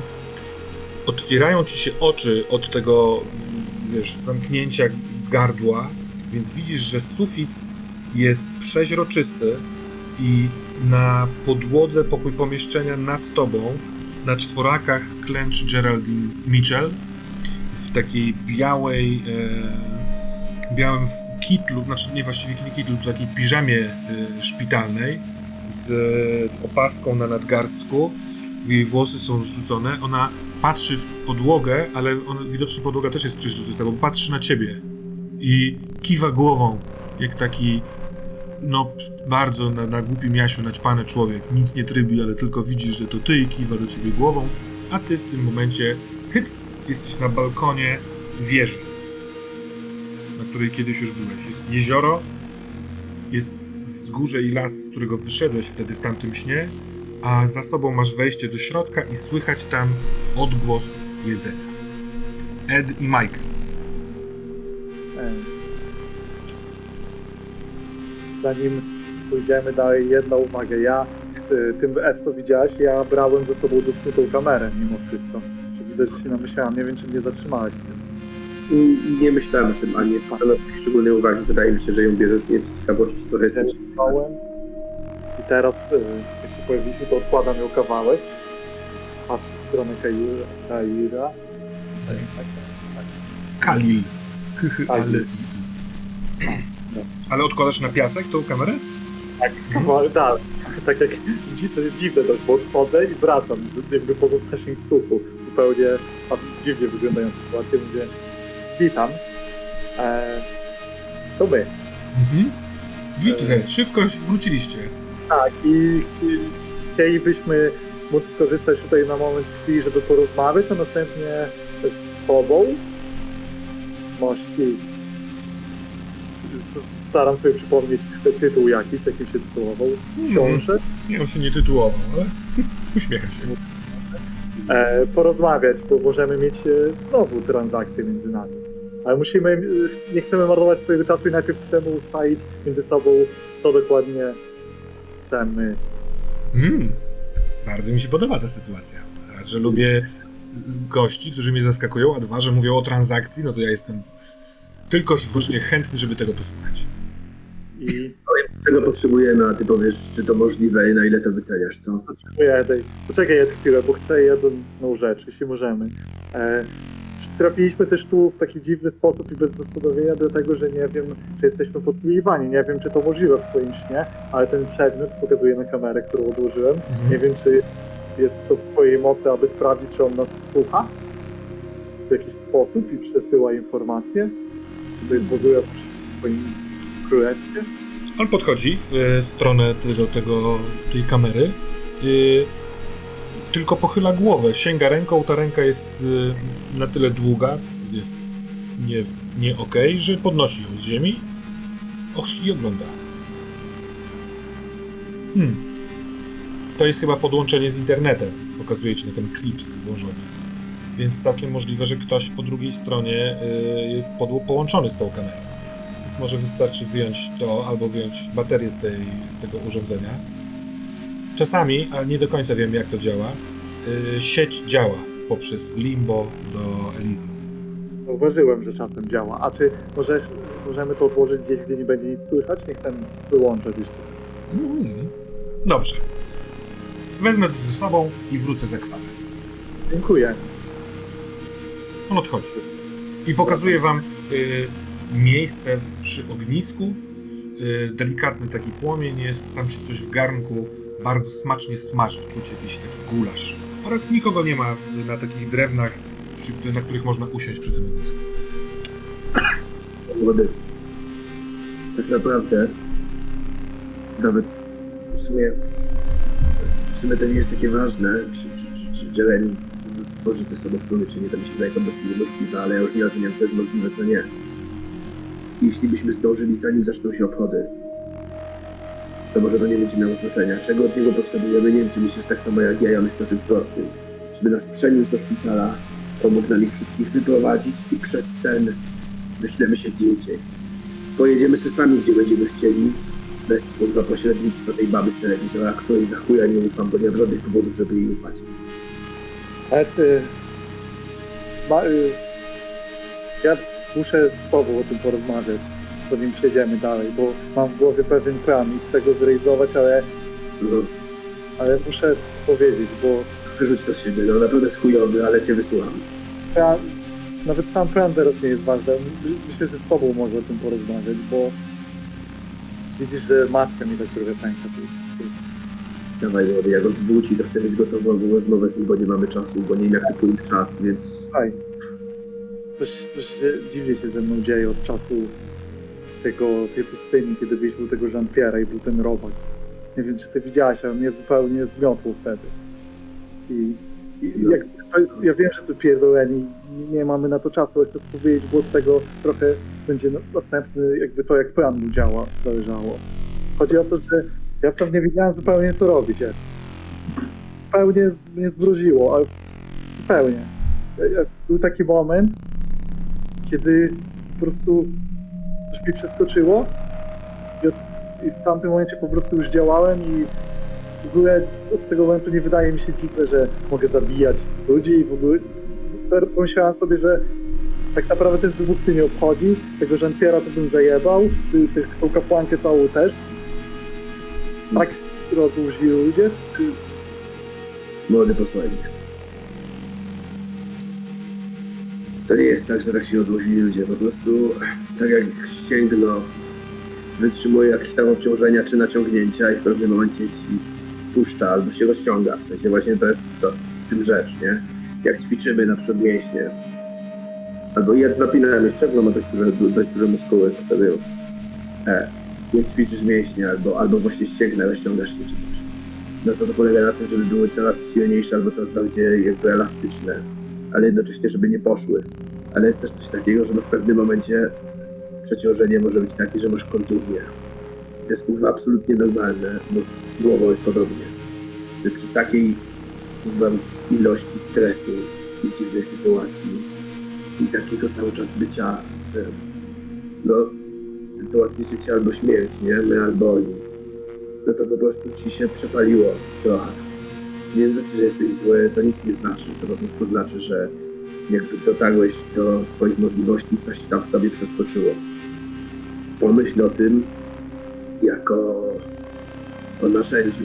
W sensie, skoro ci przeskoczyło i możesz zrobić więcej, niż byłeś w stanie wcześniej, to wykorzystaj to, żeby uratować siebie i swoją dziewczynę, rozumiesz?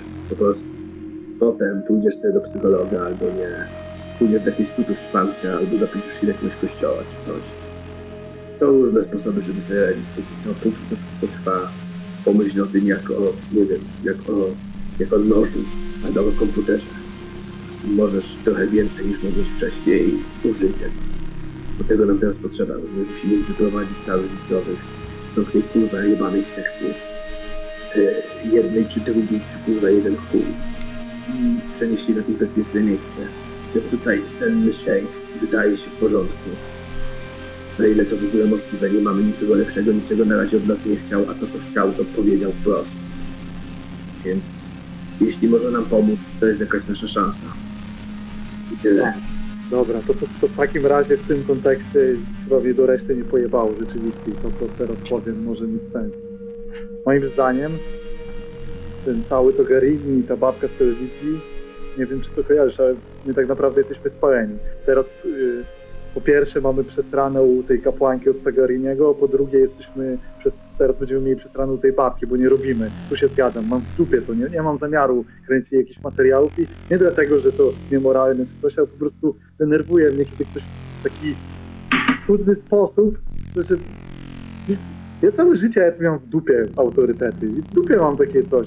Ja nie po to robiłem y, te filmy wszystkie, żeby ktoś mi mówił, o czym mam kręcić materiały. Bo nakręcę sobie o czym chcę, w dupie mam to wszystko. Mam już tego dosyć. Dlatego mam to gdzieś i nakręcę sobie taki materiał, jaki będę chciał i powiem ci więcej. Więc będę kurwa naszą akcję odbijania też kręcił. Nie wiem, czy coś z tym zrobię, ale będę to kurwa kręcił i komentował. Może to będzie materiał życia. A plan jest mój taki. Mamy tam spalone. Wiem, że to będzie chujowe i dla ciebie i pomyślisz sobie, że to głupie, ale słuchaj, nie, nie wracajmy tam do tego świata. Bo to nie jest nawet, nie wydaje mi się, żeby to był prawdziwy świat. Wydaje mi się, że to, co jest prawdziwe, to, to cała metropolis, to wszystko. Widziałeś, co się dzieje z rzeczywistością? Ona zmienia telewizor, policja robi jakieś odpały. Myślisz, że wyjedziemy gdziekolwiek i nas nie znajdą? Nie, umówmy się z tym księciem, żeby zabrać wszystkich tutaj, a stąd zobaczymy. Niech nas tu przyjmie. Wiem, że tu kurwa jest słońce, pustynia też jest dobre palemki, dobre wszystko, może będzie chciał nas tu przyjąć, a później kto wie. Jeremy umie w tych snach, ja też trochę się umiem poruszać, może znajdziemy swoje miejsce. Może zrobimy tak. Tu będziemy mieli punkt, jak nas tu przeniesie z powrotem. A potem zdecydujemy. Ja ci powiem szczerze, ja nie wiem ile mi zostało, nie? W sensie możliwe, że parę godzin na to się nastawiam, ale wolałbym nie, bo chcę ich uratować. Więc jeśli mi się uda to przejść i przytrzymać, to parę lat, może paręnaście lat.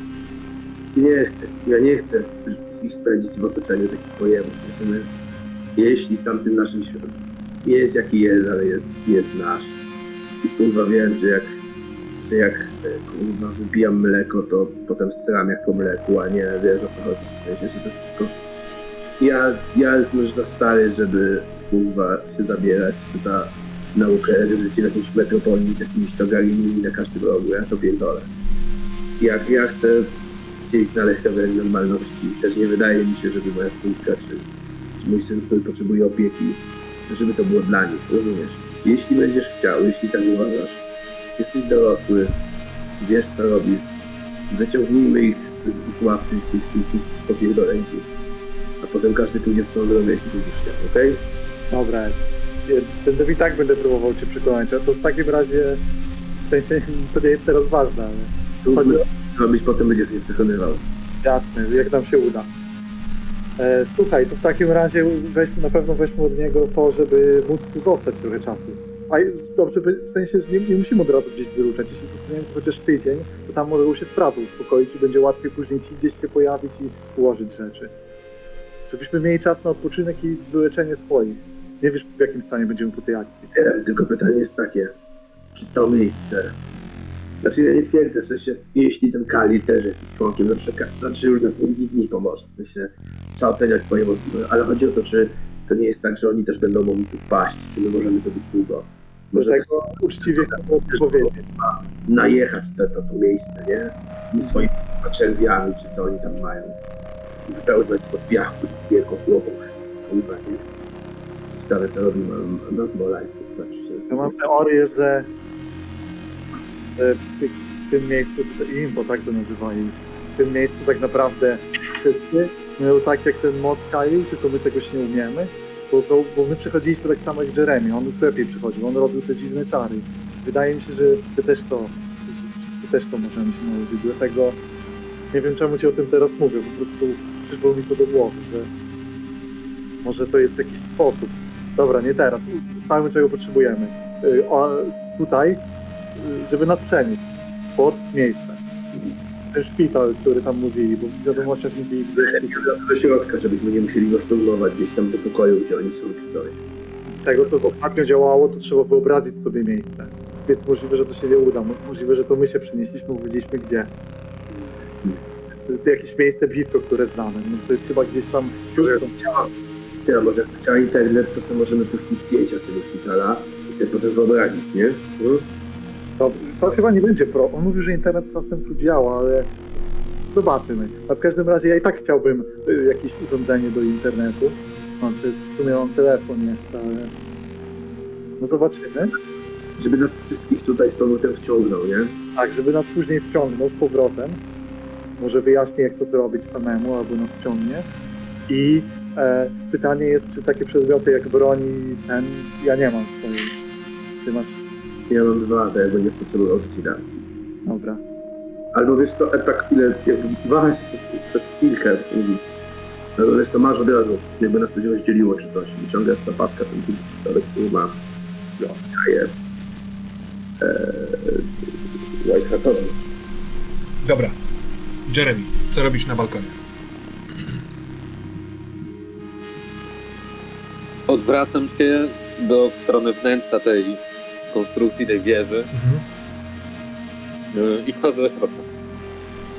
Przy stole, przy którym y, siedziałeś wcześniej kiedyś z tym czarodziejem, siedzi ten czarodziej i je posiłek. Y, masz tu te, jakiś kawałek mięsa, jakieś warzywa na talerzu, tylko je bardzo szybko, spogląda na ciebie i ma w twarzy niecierpliwość albo szybkość i on na twoich oczach znika od dołu. Kiedy jakby znikają jego buty i obecnie już jest tam, wiesz, na wysokości kostek, to y, to, co znikło, jest pustką, jest czarne. Dokąd to? Y, obudził się, obudził się, zaraz, zaraz jest koniec snu. Zajebiście. Jest już do pasa. Ja w takim razie y, robię sobie. Wyjmuję spray taki do malowania z zapazuchy. Mhm. Y, maluję momentalnie na podłodze y, bramę. Szybko, znikaj zanim ja zniknę. Wiem, wy, robię bramę i przeskakuję do szpitala. Co masz na myśli mówiąc bramę? Robię bramę taką, jak sobie robiłem bramę y, do mnie do pokoju. Nie? Przez którą przechodziłem do mnie do mieszkania. Tak? Więc rysuję taką bramę, żeby wyjść. Ty przechodziłeś Eee. do swojego mieszkania za pomocą klucza, y, który dostałeś od dawno temu. y. Nie tylko, jeszcze parę razy przechodziłem przez obraz. Dobra, czyli sprayem próbujesz narysować obraz, dzięki któremu będziesz mógł przejść dokąd? Do, jeszcze raz powiedz. Do. Do... Nie, do szpitala, tam gdzie jest salon. Mhm. Tam, gdzie Dobra, pojechałem. do tego hospicjum. Mhm, mhm. Do tego hospicjum.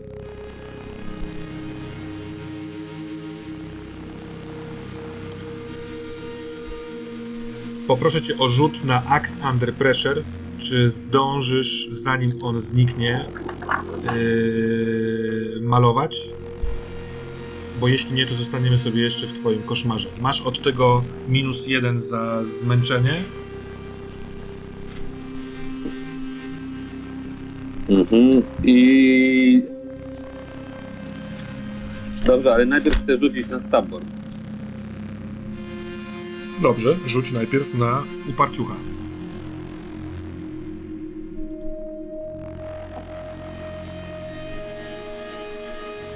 Yy, na uparciucha rzucam 10. I jakie To oznacza, że, ma, że mam dwa edges. Korzystasz z któregoś z nich? Poczekaj. Na, e, tylko mi przypomnij, na Act Under Pressure to się rzuca na co? Na Will? Mm, nie, na coolness. To rzucam pierwszego, żeby rzucić na Will. Proszę bardzo. Na, za stabor, nie? Nadal masz minus jeden. Tak.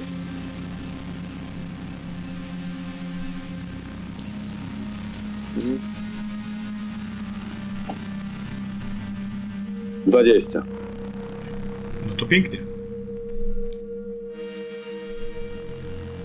Yy, widzisz hospicjum, ten pokój yy, przez dziurę, yy, która powstaje w, podłodze, kiedy malujesz szybko sprayem tę bramę.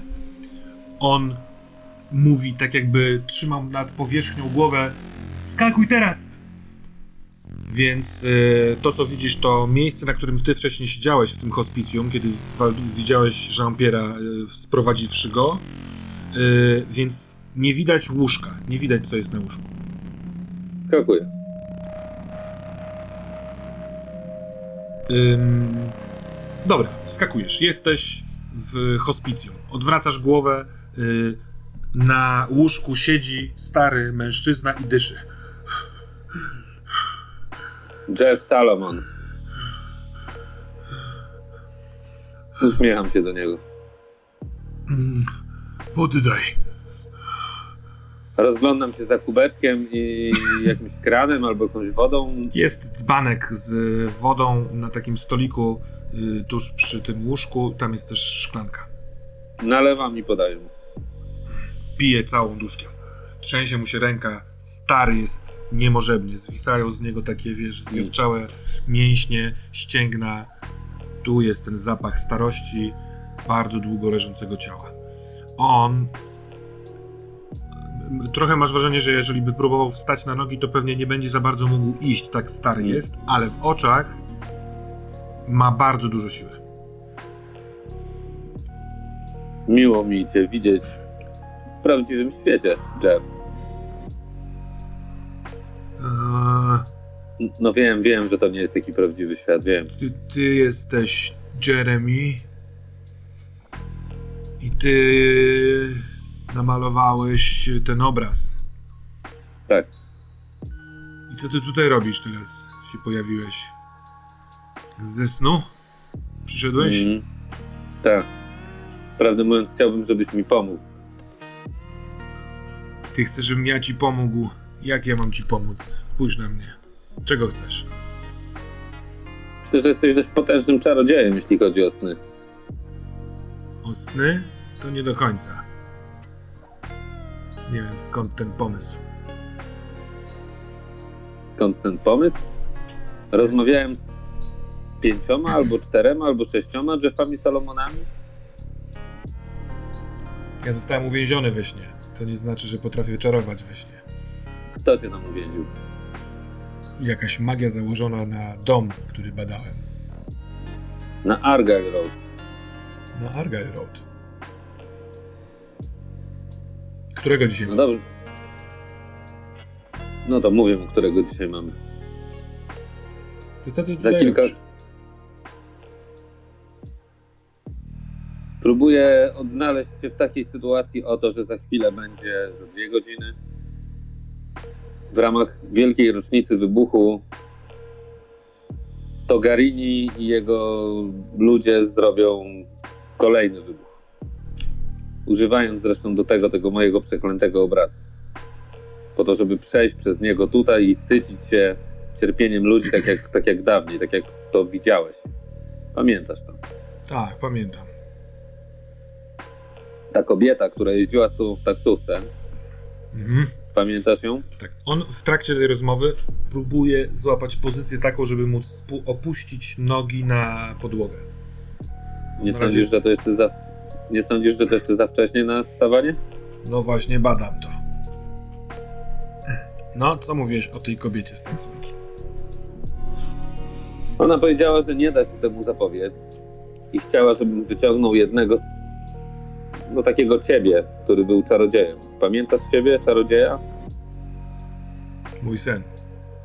Twój sen. I ty jako ten czarodziej miałeś umieć zrzucić czar, dzięki któremu ludzie widzieliby te i pamiętaliby te demony, które, ym, które sycą się tym cierpieniem. Tak, wiem jaki czar. Umiesz go rzucić? Czego ty chcesz?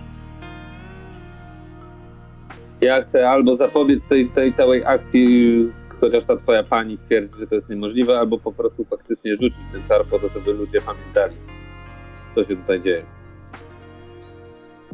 Ty rozmawiałeś z panią? Zdaje Tak. mi się, że cię wiozłem w taksówce. Tak, rozmawiałem. Ale słyszałem od kogoś, że ona współpracuje z Togarini. Dlatego trochę nie wiem, co robić. W zasadzie zostałeś mi jako jedna z niewielu osób, której mogę tak do końca w tej chwili zaufać. Ja jestem starym, starym człowiekiem. Ale dużo wiesz, Moje masz dużo życie, mądrości. najpierw moje życie należało do strachu, a potem należało do tej kobiety. Kiedy się odwracam i patrzę wstecz, najchętniej wyszarpałbym wszystkie swoje minuty z rąk tej drugiej. Jeżeli ona mówi, że coś się nie da zrobić, to znaczy, że coś się da zrobić. No to w takim razie zróbmy to. Jak? Nie wiem. Jedyne, co mi przychodzi do głowy, to po prostu przelecieć przez sen. Przelecieć przez sen? Nie wiem, nie wiem o czym mówisz. Ja nie potrafię podróżować w snach. Ale ja potrafię. Dokąd chcesz polecieć w tym śnie? Nie wiem, chcę się tam przedostać i albo rozwalić ten mój obraz, żeby nie mogli przejść przez tą bramę. Posłuchaj. Musisz albo wezwać kogoś, kto mnie rozmasuje. Ja muszę wstać na nogi, albo samemu to zrobić. Co ci stało w rękach? Długa historia. Jakiś demon mnie gonił. Spadłem. Potrafisz zrobić tak, żebym we śnie miał inne ciało? Tak. Nie sądziłem, że to powiem, ale zaśnijmy w takim razie. No to Lu. Chwytam go za rękę Mhm. i powtarzam ten manewr, który już kiedyś zrobiłem. Yy, wciągam głęboko powietrze, żeby czuć jego zapach. I chcę się przenieść i mówię, mówię do niego jeszcze zanim to zaczynam robić. Słuchaj, postaram się przenieść pod twój dom. Bo myślę, że obaj pamiętamy to miejsce. Tam, gdzie był ten fotel bujany. Pamiętasz? Spotkaliśmy się tam kiedyś we śnie. Pamiętam. Wyobraźmy to sobie razem i, i, i pójdźmy tam. Orientujesz się, Jeremy, że nie jesteś w 100% pewny, czy teraz jest jawa w tym hospicjum. Mhm. Czy to nie, nadal nie jest sen. Mhm. A jeśli miałby to być sen, to ty jesteś świadom tego, że zasnąłeś w kosz... jakby usnąłeś w koszmar. Tak. W momencie, kiedy trzymasz go za rękę i jakby wiesz, kucasz czy stoisz naprzeciwko niego, widzisz, że on kiwa głową zgadzając się oraz w drugiej ręce podnosi w twoją stronę, wolno dosyć, duży nóż do krojenia mięsa i kieruje w twoją stronę. Ale zanim zdążysz zareagować, to ta ręka jest pusta od tego noża. Jest i kieruje się w twoją stronę tak jakby chciała też złapać cię za drugą rękę, żebyś pomógł mu się przydostać. I co wdech i wydech pojawia się nóż, który chce cię zranić i znika ten nóż. Łapię go za rękę. Trzymasz go za rękę, za rękę bez noża. On ma. Te jego oczy są silne i przebudzone, ale on tak jakby widział wiele rzeczy tymi oczyma. Trochę trzęsie się cały. Zachowuje się jak ktoś, nie wiem, yy, wstrząsany czymś. Może to jest objaw pośpiączkowy, a może na, właśnie jest w jakimś śnie. I chcesz przenieść się do. Wyobrazić Pod sobie ten dom. Rzucaj na śniącego.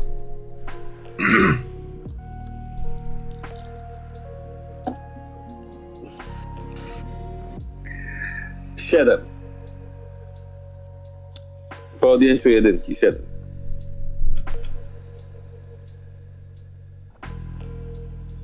Mhm. Michael i Ed. Oaza. Czy wy jesteście ustaleni i ma się pojawić Khalil? Tak. Oto Khalil pojawia się na jednej z tych, z tych brewion do siedzenia, y, trzyma kamerę, mają nałożoną na rękę i tak się ją sobie obraca, tak jakby się bawił sprzętem i y, już jestem. To nie podsłuchuje. O, To nie podsłuchuje. Słucham? Pewnie przesyła, jeśli by się nagrywało. Tak, jeżeli włączyć nagrywanie, wydaje mi się, że może przesyłać wtedy. Dlatego Tak. wolałbym tego tutaj nie włączać, bo mam nadzieję, że cały czas moja oaza jest oazą. Właśnie dlatego też No. chcieliśmy rozmawiać o tej oazie. Hmm? Mówiliście coś o transakcji. Tak. Jakaż to? Przede wszystkim e, mamy potrzeby, bo jesteśmy w zagrożeniu i nasi bliscy, z którymi tu byliśmy, też są w zagrożeniu. Nie będę ukrywał, że tym, kto jest dla nas zagrożeniem, jest niejaki, nie wiem, czy ci znany to Garini, a raczej jego kapłanka. Nie wiem, czy znasz taką postać. Togarini to nazwa, którą słyszałem. To jedna z tych e, postaci wiążących e, ludzi e, na Ziemi, coś takiego. To jest ten taki kult. No, jedna z tych władczyń, która, która trzyma, trzyma ludzkość na Ziemi. Tak mi się to kojarzy, ale nie znam szczegółów. trzyma ludzkość na ziemi. I my właśnie my w tej sprawie, bo my chcielibyśmy się z, z naszymi bliskimi trochę wyrwać z tej ziemi i, i, i jako trochę już świadomi tutaj w działaniu e, potrzebujemy jakiej pomocy, oczywiście oferując w zamian to, co chcesz jest jedną rzeczą, ale ja ze swojej strony na pewno oferuję wspaniałą historię i powieść naszych e, tego, co się działo Mm. formie lub wspomnień tego, co do ciebie milsze, ponieważ przeżyliśmy niesamowitą przygodę. Trafiając tu najpierw, pokonaliśmy jednego z innych władców snów. Hmm. Nie, nie opowiadaj, nie opowiadaj. Chcę, ją- chcę ją poznać w całości, jeżeli dobijemy targu. Oczywiście. I ta, jedynie mogę powiedzieć, że jest niesamowita i można by na pewno na, nagrać na niej film w Hollywoodzie. W Hollywoodzie? jest... W Bollywoodzie, jeśli wolisz. A więc tak, wy chcecie, żebym ja was ugościł w mojej oazie i w... chcecie zapłacić mi za to opowieścią. To jest początek, ale też prawda jest taka, że musimy dostać się w pewne miejsce, wyciągnąć stamtąd tych, z którymi tu byliśmy wcześniej i tu wrócić, a później następnie. Uuu, I to też będzie przygoda sama w sobie, ponieważ oni są pod władzą tych ludzi, albo nie ludzi, demonów, hmm. niego. Ty mnie bardzo proszę nie nęć tą przygodą i te, tymi jej walorami. Wiedz, że od wielu, wielu lat mieszkam tutaj i handluję i zdobywam mnóstwo snów różnych ludzi. Opowieści mam aż nadto. Możliwe, że twoja jest ciekawsza, ale ocenię to, kiedy ją usłyszę. A więc ty chcesz, żebym przewa- prze was przydostał do miejsca, z którego chcecie odbić tych swoich ludzi, wrócić tutaj do mnie i mieć tutaj oazę pokoju? Przynajmniej przez jakiś czas, jeśli to możliwe. Żeby potem ruszyć nimi dalej gdzieś, gdzie będzie dla nas bezpiecznie. Aha. No ale to ja wam powiem, że jest to mi bardzo na rękę w pewien sposób. Gdyż mi tutaj brakuje siły roboczej i... Hmm... Ile będzie osób? Ale nie, nie, nie, Kali, poczekaj. To są moje dzieci i jego narzeczona, to, to nie będzie żadna siła robocza. My możemy zostać, możemy ci coś oddać, sprzedać, coś dla ciebie zrobić. No chcesz, nie chcesz zapracować na pobyt tutaj? To jest, może zapytajmy, Skoro to są twoje dzieci, to ty chcesz je nauczyć być w świecie, w którym nie trzeba zapracowywać na pobyt u kogoś? No dobra, nie o to chodzi. Chcemy, tutaj chcemy być tylko przez chwilę, nie chcemy nadużywać twojej gościny. Potrzebujemy, jak to się mówi, miejsca przerzutowego. Hmm. Jeśli za to, jeśli za to chcesz jakieś e, zapłaty w pracy, powiedz co to ma być za praca. Ocenię, czy moje dzieci albo ja się w ogóle do niej nadajemy, żebyśmy mogli ci zapłacić. Bo Proszę, ci zapłacić Nie, mi, nie miej zdrożnych myśli. Albo w sensie nie tyle zdrożnych, nie wiem jak to powiedzieć, ale spokojnie. Kalil jest uczciwym kupcem. Co prawda porusza się w krainach snów od wielu dziesięciu lat, ale to nie zmieniło mnie w kogoś, kim nie chciałbym być. Jeśli chcielibyście, chcielibyście, żebym pomógł wam w waszej sprawie, przydostał was na miejsce y, i przyjął was z powrotem, to to każdą osobę będzie kosztowało pół roku pracy dla mnie. Praca dla mnie to opieka nad tym obozem i praca przy karawanie. Moje karawany jeżdżą pomiędzy różnymi zaprzyjaźnionymi miejscami we śnie i zawożą tam towary i przywożą stamtąd towary. Moim karawanom zapewniam, zapewniam bezpieczeństwo. Y, Poruszamy się szlakami, które do tej pory są wytyczone tylko pomiędzy naszymi oazami. Nic nie powinno się stać. Tutaj w oazie ni- nic nikomu nie grozi. Każdy spędza czas tak jak chce, nie szkodząc innym. Musisz wiedzieć, że mój syn jest. no nie jest umyśle. Poznałem go. To nie ma tutaj znaczenia. Co o tym myślisz, Whitehead? Nie jestem dobrym negocjatorem, bo przyznam, że dla mnie to jest też dobry układ. Powinienem pewnie teraz powiedzieć, jak się targują, widziałem w filmach e, arabskich, że obrażasz pan moją rodzinę, próbując taki układ dać, ale Daj spokój, młody. Daj spokój. Coś w tym jest, grzecznie byłoby się potargować. Ale poniżej pięciu miesięcy nie zejdę. to ja chcę się potargować w tą stronę, że chciałbym, oczywiście mogę to coś od siebie też na ten temat, ale chciałbym, żebyś y, też od ciebie się uczyć tych krain snów i wiedzy na ten temat, co tu się dzieje. Być może dzięki temu będę mógł ci... e, Przyjacielu, przyjacielu, moja propozycja, moja propozycja jest taka. Trzy miesiące na członków mojej rodziny, ale za to, posłuchaj mnie uważnie, ja zostanę z tobą przez cały rok. A ja znam pustynię. I ze mnie będziesz miał więcej pożytku. Hmm. Hmm. Ile osób przez te trzy miesiące? Na pewno dwoje. E, Nie, nie, mówię za niego, pokazuję na młodego. Mhm. Jego i jego narzeczoną niech negocjuje on. Ja nie mam prawa o tym decydować. Ja mam córkę i syna, oni pójdą na pewno. Czy mój drugi dorosły syn pójdzie i czy moja żona pójdzie, tego nie wiem. Więc Na pewno dwójka, może czwórka. No i ja przez rok to na pewno. Dobrze. Zawrę z tobą układ. Panie Ed Mitchell. Będę miał ciebie jako pracownika przez rok. To nie jest lekka praca, ale sprawiedliwa. Nie będę cię męczył ani, ani przesadzał z ilością godzin. A po w wolnym czasie będziesz mógł korzystać z wszystkiego, co jest tutaj na mojej oazie. Jedyna reguła, żeby nikt sobie nawzajem nie szkodził. Twoja rodzina będzie mogła skończyć pracę po trzecim miesiącu od momentu, kiedy je zacznie. Jeżeli wrócicie tutaj pokancerowani, yy, przygotowuję was do pracy najszybciej, jak będę potrafił.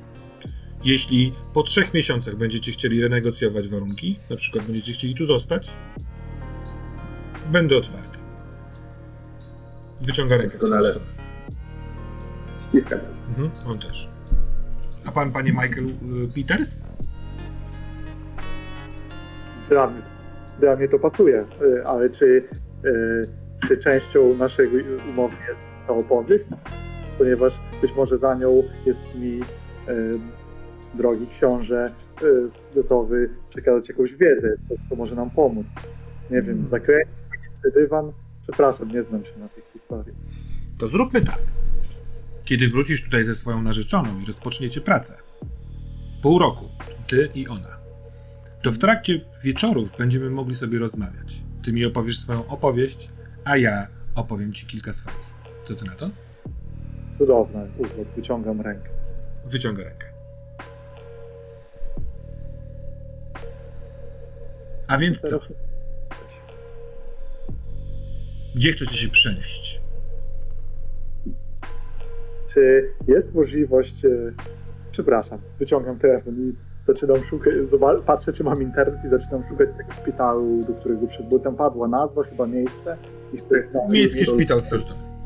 Tak, to ten miejski szpital w Houston i szukam sobie zdjęć. I od razu mówię, czy możemy przenieść się do tego miejsca? To jest szpital na ziemi i czy wystarczy, że sobie wyobrazimy ze zdjęć? To tak działa? Hmm, tak. Mogę was przeprowadzić do miejsca, w które będziecie obaj wpatrywali się. Cudownie. A to jest to bardzo dobrze, a jeśli chodzi o powrót, bo wydaje mi się, że możemy mieć problem z wejściem tak jak tu weszliśmy, ponieważ nie mam już swojego laptopa. Wydaje mi się, że on jest bramą, przez którą przechodziłem. Mm, ale przecież kiedy będziecie już tam i uda wam się odbić swoich, to w pewien sposób będziecie moimi pracownikami. Zadbam o to, byście mogli wrócić. Cudownie. Przygotowuję wam odpowiednią tabletkę, którą będziecie musieli zażyć. Momentalnie znajdziecie się na miejscu. Czy, mie- czy, czy wyprawa, na którą się piszecie, to bezpieczna wyprawa? Bo nie. słowa odbić. E, tak Sami jak nie wiemy. Podejrzewamy, że ludzie to Garina, demony to Gariniego. To Garini? To ona? Nie jestem pewien teraz. Nie, to chyba był on. Ale oni mi się wszyscy mieszają oraz yy, bardzo szybko starałem się od tego wszystkiego odciąć i zamieszkać tu. To myśl, wydaje mi się, że mogą być bronieni, ponieważ e, są pewnymi zakładnikami, a wola tego kogoś i, i mu podobnych chce, na nas wywrzeć jakieś rzeczy. I to jest część opowieści. Nic nie mówię dalej. Wybierzcie lokalizację. Ja przygotuję yy, tabletki. Mówicie, że ile was może być wracających z powrotem tutaj do mnie? Stamtąd razem pięć osób z nami, prawda? No poczekaj, nie, nie, na, na, najwięcej ile może być. Ale stamtąd. E, jak chcesz ściągnąć też resztę? Może, może jednak później wyskoczysz po resztę do świata, ale Mi się wydaje, ja, ja czuję, że mój starszy syn i żona też tam będą. Nie wiem dlaczego, ale no jeśli nie, to będę się zastanawiał. masz rację. Czyli siedem osób, w- od pięciu do siedmiu. Przygotuję wam 7 tabletek. Hmm? Te tabletki zadziałają tylko wtedy, jeżeli wy podacie je komuś albo sobie do ust. Jeżeli ktoś inny weźmie je w ręce, to stracą swoje właściwości. Hmm? Więc on odchodzi do stołu, przygotować się. A wy powiedzcie mi, co chcecie, dokąd chcecie się pojawić w tym miejscu i jaki jest wasz plan. Plan jest taki, żeby pojawić się w szpitalu, działać e, adekwatnie do sytuacji, elastycznie i ryzykownie, bo nic innego nam nie pozostaje. E, dać im te tabletki i przenieść się tu z powrotem, zrobić to jak najszybciej. W szpitalu prawdopodobnie w środku, gdzieś w jakimś, nawet korytarzu. Plan oszukania tej, tak, plan oszukania tej Dafny wisi cały na Jeremy, więc nie skupiamy się na nim jako na rzeczy, na które nie mamy wpływu. A mądry człowiek wie, że nie należy skupiać się na rzeczach, na które nie ma się wpływu. Mhm. Więc na razie chcemy po prostu ich wyciągnąć i uciec jakby niezależnie od całej tej awantury, po prostu nie brać w niej udziału. Jak Tak. Jeremy się pojawi, to Może mi to umknęło, ale co z kamerą? No bo no nie umknęło. Ja tą kamerę wezmę i tam ze sobą po prostu. Bo powiedział, żeby jej tu nie zostawiać. Nie chcę jej tu odpalać, ale wydaje mi się niebezpieczna, więc ja ją biorę. Chcesz ją wziąć ze sobą na tam, tam, tak? Mhm. Dobra. Czyli każdy z was ma po broni. Trafiacie na korytarz w szpitalu w Houston i chcecie dostać się do pomieszczenia, gdzie y, będą wasi. Zostaniemy prawdziwymi terrorystami, mówię z uśmiechem do Eda. I chciałbym jeszcze kwestię stabilności rozwiązać, bo wydaje mi się, że powinienem tu w górę za dwie rzeczy. Pierwsza, Ed jest moją relacją, mieliśmy wcześniej rozmowę, Mhm. mnie uspokoił. A druga to jest mój atut, bo ten książę drogi y, tutaj opowiedział bardzo kilka ciekawych rzeczy. O tym, że są połączenia krain snu, że, są, że ten Togarini chce trzymać, więzić ludzi i o tym, jak to trochę działa i żeby... y, No, właściwie to, nie? Proszę bardzo. Jako kibic, kibic waszego planu przychylam się do tej decyzji o dwa punkty stabilności. To znaczy, że jestem w pełni spokojny, co jest idealnym momentem do wejścia na akcję. Ty jesteś w pełni spokojny. Ed Tak. może trochę mniej. Podchodzi do was Kalil z tacą. Na tacy jest y, siedem takich białych kulek, trochę jakby kulek z chleba, ale widać tam y, kolorowe punkciki, może z czymś to jest wymieszane. Y, I obok jest taki skórzany mały worek. Mówi, włóżcie to swoimi palcami. Każdy z was musi dotknąć każdą z tych tabletek, bo nie wiadomo, który będzie wyciągał którą. Mhm. A Tak później robię. przeniosę was do szpitala. Jeremy. Patrzysz w lustro na swoją twarz. Rękoma opierasz się o umywalkę, tak jak to robisz codziennie, odkąd mieszkasz w tym domu. Rano, kiedy kończysz myć twarz. Świeża woda ścieka z twojej twarzy, z brody, Najpierw dociera do ciebie, że opierasz się obiema, oboma rękoma, rozkładając ciężar swojej sylwetki. Nie jesteś ranny w bark. Twoja twarz, którą oglądasz sobie w lustrze, jest twoją, nie twoją twarzą. Kiedyś już ją widziałeś w lustrze? Kiedyś widziałeś siebie w tym lustrze, w tym pokoju.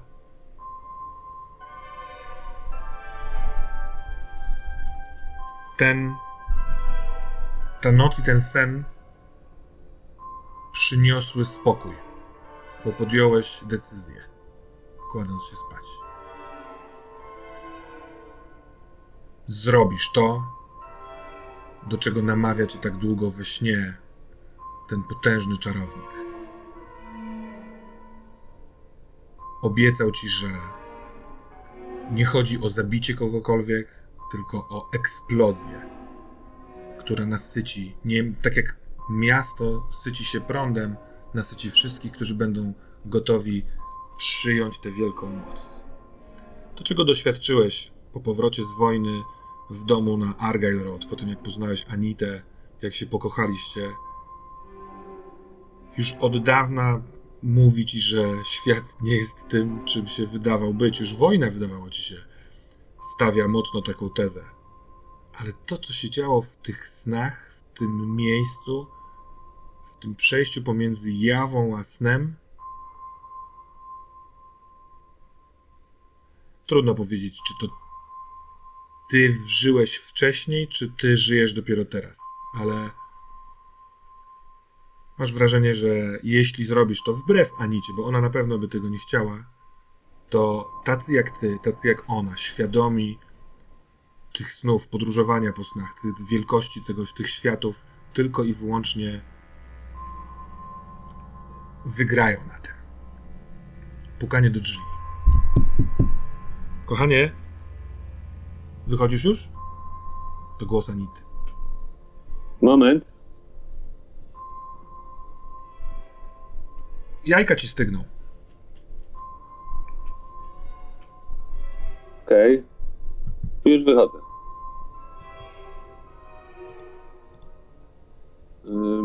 Otwieram drzwi Mhm. i wchodzę tam do pokoju. Wychodzi się na taki mm, e,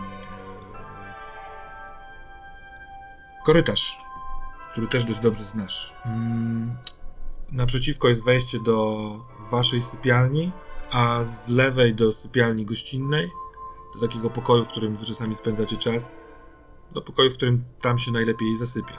A w, le, w prawo jest y, salon z takim aneksem kuchennym ze stołem, na którym pachnie przyrządzona przez Anita jajecznica z boczkiem. Wchodzę tam i siadam przy stole. Anita, y, ubrana jeszcze w y, taką koszulę nocną, y, donosi salaterkę ze świeżomi pomidorami pokrojonymi w takie kawałki łódeczki, stawia nad twoim ramieniem, pochyla się, daje ci całusa w policzek. Jak ci się spało, Fred? I siada naprzeciwko ciebie przy stole. No jak zwykle wesoło. Smacznego. Nawzajem, dziękuję. To I dzisiaj, też zaczynam. To dzisiaj będziesz, jeść. będzie, będziesz dłużej w pracy? Dzisiaj macie ten wyładunek? Tego Grand Campa? Yy, tak, no, dzisiaj, no. A czemu pytasz? I nie pamiętałam, czy mówiłeś czwartek, czy środa. Yy... Nie, nieistotne. Nie, żebym miała w planach niespodziankę, którą teraz zdradziłam, na przykład, że jak wrócisz, to coś tu będzie. Może coś będzie. Musisz się zastanowić, czy rzeczywiście to jest dobre, żebyś. Nie, nie chcesz zmienić pracy, no codziennie jeździsz ponad godzinę do portu. No, może kiedyś.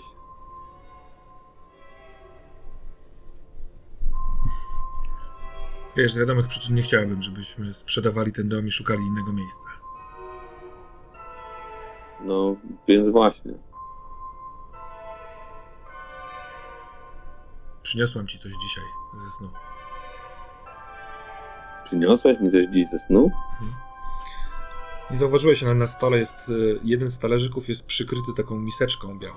Ona odkrywa tą miseczkę i widzisz zielony owoc wielkości mm, może trochę mniejszy niż śliwka, o podobnej twardości skóry, który ma fioletowy taką sp- jakby spiralę wokół siebie.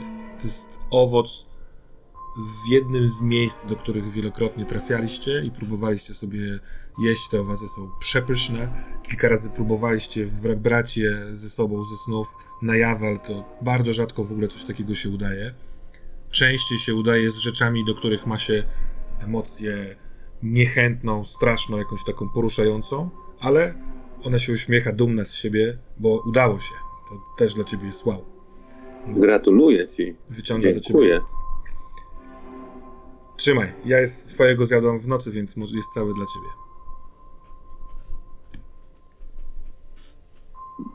Kosztuję go. Jest przypyszny, mięciutki, soczysty. Kojarzy się ze słońcem, które grzeje na skórę. Jak udało ci się to zrobić?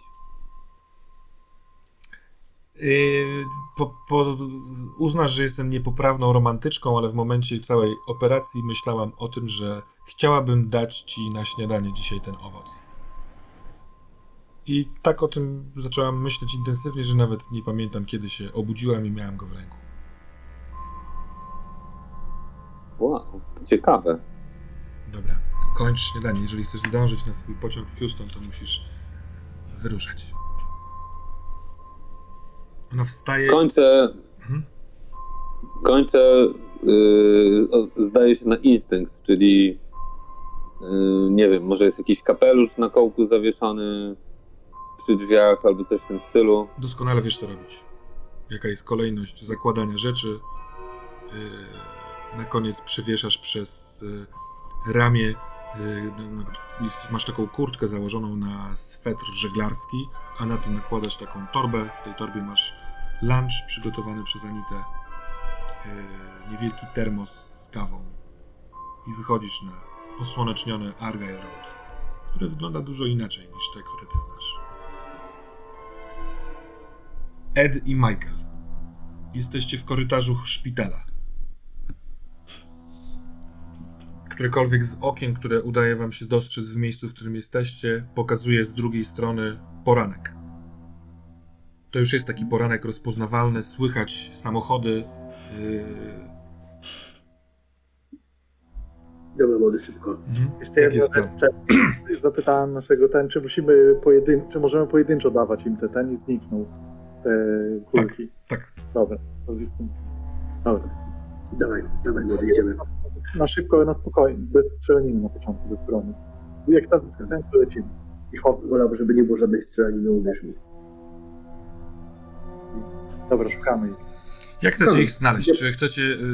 To, to jest korytarz, który jest y, szerokim korytarzem. Po środku tego korytarza takie ławki obustronne. To jest tego rodzaju, nie wiem, rzuca wam się w oczy, nie wiem, korytarz czy oddział, w którym są sale z leżącymi jakimiś chorymi, ale takimi, których można odwiedzać i można sobie czekać w poczekalni na tym korytarzu. Więc y, jeśli y, oni byli przewiezieni pod strażą policji, no to nie tu. Mhm. Jeśli dostanę się do jakiegoś kompa tutaj, to znajdę szybko, gdzie ich trzymają. Tak, czy ty... Chodźmy, Dobra. chodźmy serwerów. Musimy być cały czas w ruchu, żeby się na nich nie przyglądał. Chodźmy do jakichś e, z bocznych, tam gdzie jakiś może informatyk, serwerownia, coś takiego. Tam może być konsola. A gdzie w szpitalach takie, już- takie rzeczy są? Może być w piwnicy na przykład, e, żeby zabezpieczonym Młody, pomieszczeniu. młody, młody, to jest strata czasu. W sensie musimy po prostu chodzić i szukać. Jakiejś zamkniętej części zabezpieczonej, na pewno będą strażnicy przed. Pierdolony szpital w Houston. Wiesz, jakie to jest wielkie, ile to ma oddziałów? Nie wiem, czy ty byłeś w tym swoim pieprzonym Texas City. Ale ty w Houston byłeś, Ed, na pewno, y, w tym szpitalu, bo za czasów twojego, wiesz, dzieciństwa, y, jak były poważniejsze rzeczy, to tutaj trzeba było jeździć, bo w Texas City nie było takich tam poważniejszych rzeczy, takich poważniejszych instytucji medycznych. Natomiast tutaj ustalmy, że w takim głównym pionie, nie wiem, w, głównej klatce, no właśnie pionie, na co drugim piętrze jest y, recepcja. W związku z czym na którymkolwiek piętrze jesteście, na tym piętrze albo piętro wyżej, albo piętro niżej jest recepcja, jeżeli się udacie w prawo do końca korytarza i przejdziecie przez takie szklane drzwi. Tam są komputery, tam jest ktoś, kto może was poinformować. Yy, tam możecie z tego lobby przeczytać, nie wiem, nazwę oddziału, bo tutaj nawet nie do końca wiecie, wiecie na jakim jesteście oddziale. Albo na jakim oni są. To też nie do końca. Tak patrzę i... Daj... Kurwa. Nie, dobra, to się nie uda. Pomyślałem, że możesz zadzwonić do żony. Chciałem ci dać telefon. Może jeśli tu jest, to wie. Słuchaj, prawdopodobnie wszyscy znają nasze gęby, ale mam... Po pierwsze, ja, ja to mówię już idąc i daję mu znak, żeby szedł. Szukam, idę do klatki schodowej, szukam właśnie miejsca, gdzie jest Mhm. węzeł komunikacyjny. Idę raczej głowa w dół, prawda, jak ktoś, kto się stara tam... E, Myślę, że ja mam, myślę, że Ed ma tą czapkę stojącą przez taką baseballówkę, jak po prostu nakłada na głowę. E, i, Że, że ja idę wyprostowany w ogóle bez ten taki jakiś pozbawiony uczuć w tym wszystkim i się nie chylę, ale też wydaje mi się, że mogę być wszędzie na wizerunkach z kapeluszem. I to, to, to może zmieniać trochę postrzeganie. nie? No bo teraz nie masz kapelusza, tak? No nie mam, oddałem go. Mhm. E, więc tak, no jakby ruszaj, mam cały czas pistolet w pogotowiu, jakby wolałbym go nie używać w szpitalu, ale no też jest jakby Ed jest gotowy na wszystko trochę. Więc, Kto, który e, z was ma woreczek z tabletkami od Khalila? Chyba się od razu podzieliliśmy. Okej, E, na... a, a jest, nie? Mm, Podzieliliśmy się od razu. Jakby on ma dla siebie i dla, dla... No bo tak jest najlogiczniej. Na Tak. wszelki wypadek, to żeby ktoś się w ogóle przeniósł, gdyby ktoś Dobra. miał fuck up. Więc idziecie korytarzem, to jest parędziesiąt kroków, bo to, co- to jest długi korytarz, skrzydło szpitalne. Tu, na tych ławkach, gdzie nie, gdzie siedzą jacyś ludzie, którzy odwiedzili swoich bliskich, bo poznać to po tym, że część jest ludzi w piżamach, a część w prywatnych, takich cywilnych ciuchach. Co jakiś czas pojawia się jakiś e, ktoś w kitlu, pielęgniarka, pielęgniarz, lekarz, lekarka, a wy idziecie rozmawiając ze sobą, y, w, oczywiście nie tak, żeby wszyscy słyszeli, w tamtym kierunku. Jeszcze y, Michael zaproponował telefon do twojej żony. Y, Co ty na to, zanim rzucimy rzut? Ryzykowne. Mm. Ja też nie pochwalę. Ale może, ale mogą nie zdążyć. Chociaż nie wiem, twoja żona może uwierzyć w to wszystko i cię kopać. To po pierwsze, tak. Może prędzej do syna. Ale spróbujmy ich znaleźć normalnie i zostawmy to sobie, wiesz, na ostatnią chwilę. Proszę o rzut na działanie pod presją. Rzuca jeden, drugi może pomagać. Ile masz opanowania? Plus cztery. To rzucaj ty, a ja pomogę. Ja mam plus 3, więc jest sens, żebym pomagał. Tak, dawaj. Ale jesteś teraz, śrubowani Hiroshi. 13. no to to jest plus, Plus jeden. Plus jeden, to ja mam plus pięć. O panie, 21 razem. Dobra, docieracie do, do, końca korytarza. Tam jest y, taka kwadratowa wyspa na środku dużego, dużej klatki schodowej. Widać schody w górę, w dół. Szereg wind, nie wiem, po trzy z jednej strony, po trzy z drugiej strony. A na tej wysepce na środku y, pracuje. No, jedna osoba chyba wystarczy. Jakaś taka pani w kitlu, która y, y, ogarnia komputer, rozgląda się. Ja podchodzę, ale udaję, że sprawdzam coś w telefonie. W sensie tak, żeby nie za bardzo było widać moją twarz. Mhm. Tak jak ktoś, kto nie jest trochę uważny. W sensie chcę kogoś o coś spytać, ale czymś się zajmuje. Mhm. Jak taki stary człowiek, który szuka numeru i mówię e, przepraszam bardzo, bo ja wiem, że to jest teraz sporo policji, a mi się wydaje, że że, że, że, że widziałem e, złodzieja kieszonkowego tam. Czy pani by mogła powiedzieć, gdzie ci policjanci są? Policjanci? No kogoś eskortowali tu czy coś. Gdzie ten numer do niej? Policjanci są na trzecim piętrze. O, widzi pani. Dziękuję, dziękuję bardzo. O, mam, jest. I udaję, że dzwonię, w sensie, żeby tak rozładować to czymś, że niby znalazłem i odwracam się. Nie Ale- dzwonię nigdzie, po prostu. Zastanawiam się, czy ty masz swój telefon, bo ty go chyba wyrzuciłeś z samochodu, żeby nie, nie był namierzany. A. ja mu dałem, Myślę, że kiedy Whitehead mi zaproponował Dobra, to dzwonienie, dobra, dobra. to ja wziąłem telefon i tak. dałem od razu telefon, bo mi niepotrzebny. Po czym mijam, y, mijam młodego i mówię trzecie piętro i szybko się odda. Znaczy tak w miarę normalnie dam się i mówię do telefonu coś tam. Halo, gdzie ty jesteś? Ja tu szukam, właśnie nie mogę cię znaleźć. Coś tam przez chwilę mówię, żeby to wyglądało naturalnie. I... Dobra. Dobra, Ja i nawet- Jak on to robił takie ten, bo po co? yy, tam w tym miejscu, gdzie są windy, widać, że wy jesteście na pierwszym piętrze. Pytanie więc, czy wybieracie schody, czy windę? Mam przeszkody. Schody. Na schodach są zawsze opcje. Dobrze, to dwa piętra w górę jesteście na takim samym y, holu, ale zanim wchodzicie na ten taki hol, kwadratowy hol, to przez przeszklone drzwi klatki schodowej widzicie, że y, przy jednym z korytarzy siedzi dwóch policjantów po obu stronach tych, tego korytarza i jeden z nich patrzy w stronę recepcji i kiwa głową. Nie widać do końca recepcjonistki, bo ona Mhm. jest. Musielibyście już otworzyć drzwi i spojrzeć w bok. Ale przyjmował od niej jakieś informacje. Pewnie ten twój włamywacz będą go szukać. Albo po prostu wiedzą, że, że to my. Przyszedł ktoś w ogóle. Dobra, jak to robimy, młody? No, no to co, ja jestem włamywaczem i spierdalam i niech mnie gonią, a ty sobie wchodzisz. Zostawię sobie jedną tabletkę, żeby wziąć, żeby zniknąć, a ty resztę wyciągniesz. Jesteś pewien? Najlepiej się do tego nadaje, ty nie będziesz biegał. Dobra, dawaj. Wezmę też twoją dziewczynę, nie martw się. Tylko Już gotowy? Bo zaraz zacznę robić cyrk. dobra.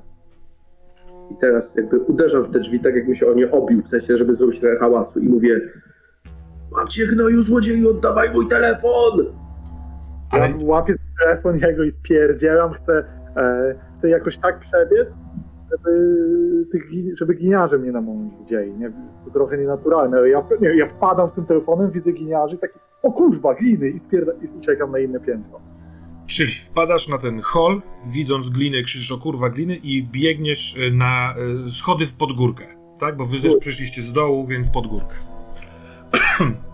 Czy ty, Ed, wypadasz od razu za nim, czy y, zostajesz tam na tym korytarzu? Ja nie przed... Ja biegnę chwilę za nim po to, żeby być plecami do policjantów, ale biegnę powoli jak dziadek i uśtykam i liczę, żeby mnie wyminął. I wtedy się odwrócę i wrócę.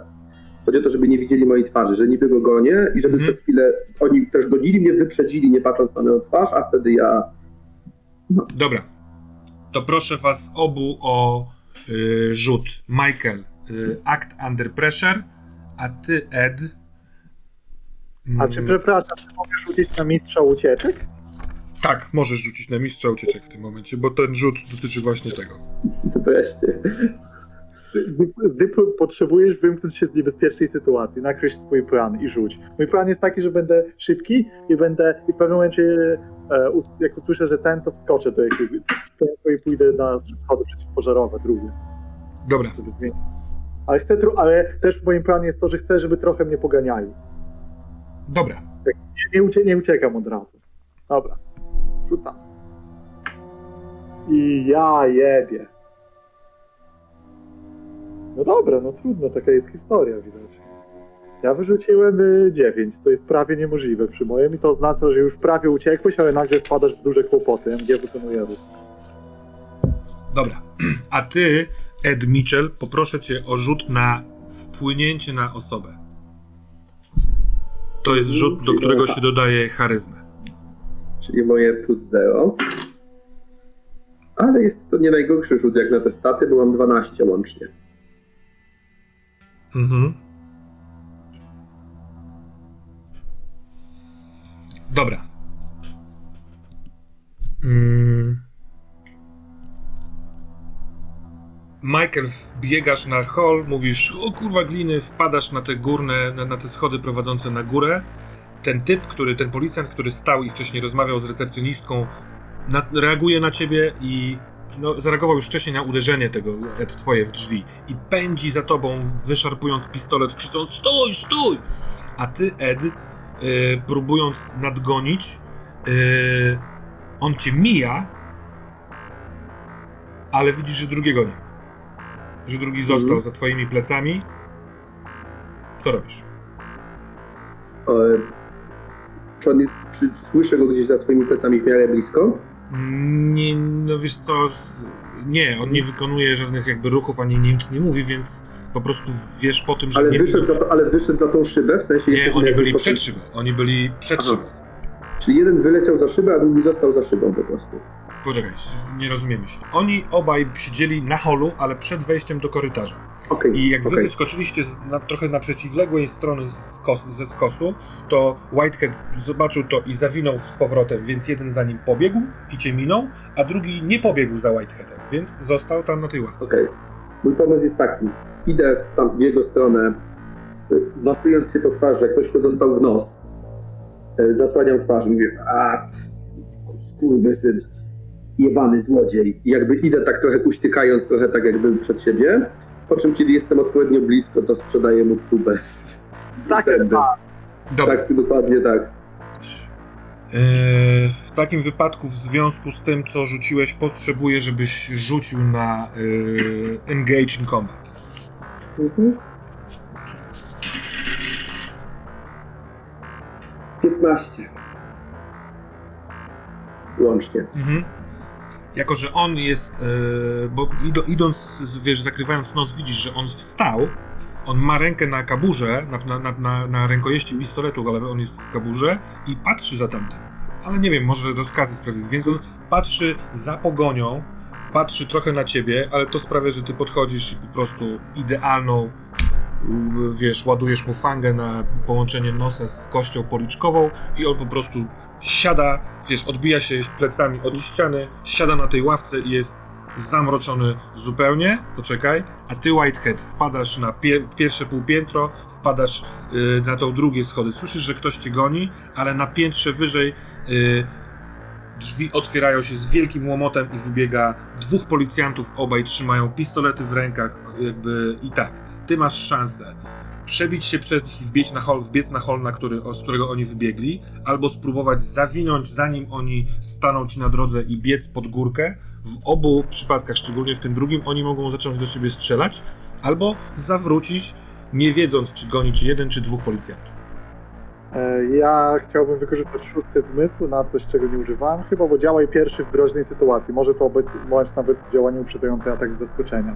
Zanim jeszcze wypadli, to ja miałem przeczucie, że coś tam się rusza, coś się dzieje, więc mogę na to zareagować Mhm. wcześniej odrobinę. I możesz mi powiedzieć, jak to zmienia tą sytuację, jeśli chodzi o opcję. Jeśli ja mam przeczucie, że tam jest ten, to jak, czy mogę przebiec, bo trochę nie, nie widzę tego. Jakie mam wtedy opcje, jeśli wcześniej zareaguję? No Słuchaj, pułapkę zastawiłem ci całkiem sprawną, więc sam, sam mi pomóż. Jesteśmy na klatce schodowej i ty jesteś na półpiętrze. Chcesz uciec przed tym, kto cię goni, a masz przeczucie, że z, na, na tym piętrze już końcowym, wiesz, na, na tym e, czwartym piętrze, za chwilkę ktoś będzie wychodził przez drzwi. Więc, Jedno piętro tylko mi zdążyłem, tak? tak, gdzieś- właściwie pół piętro. Ty przebiegłeś jeden flight of stairs, że tak powiem. Rzeczywiście trochę cięższa sytuacja.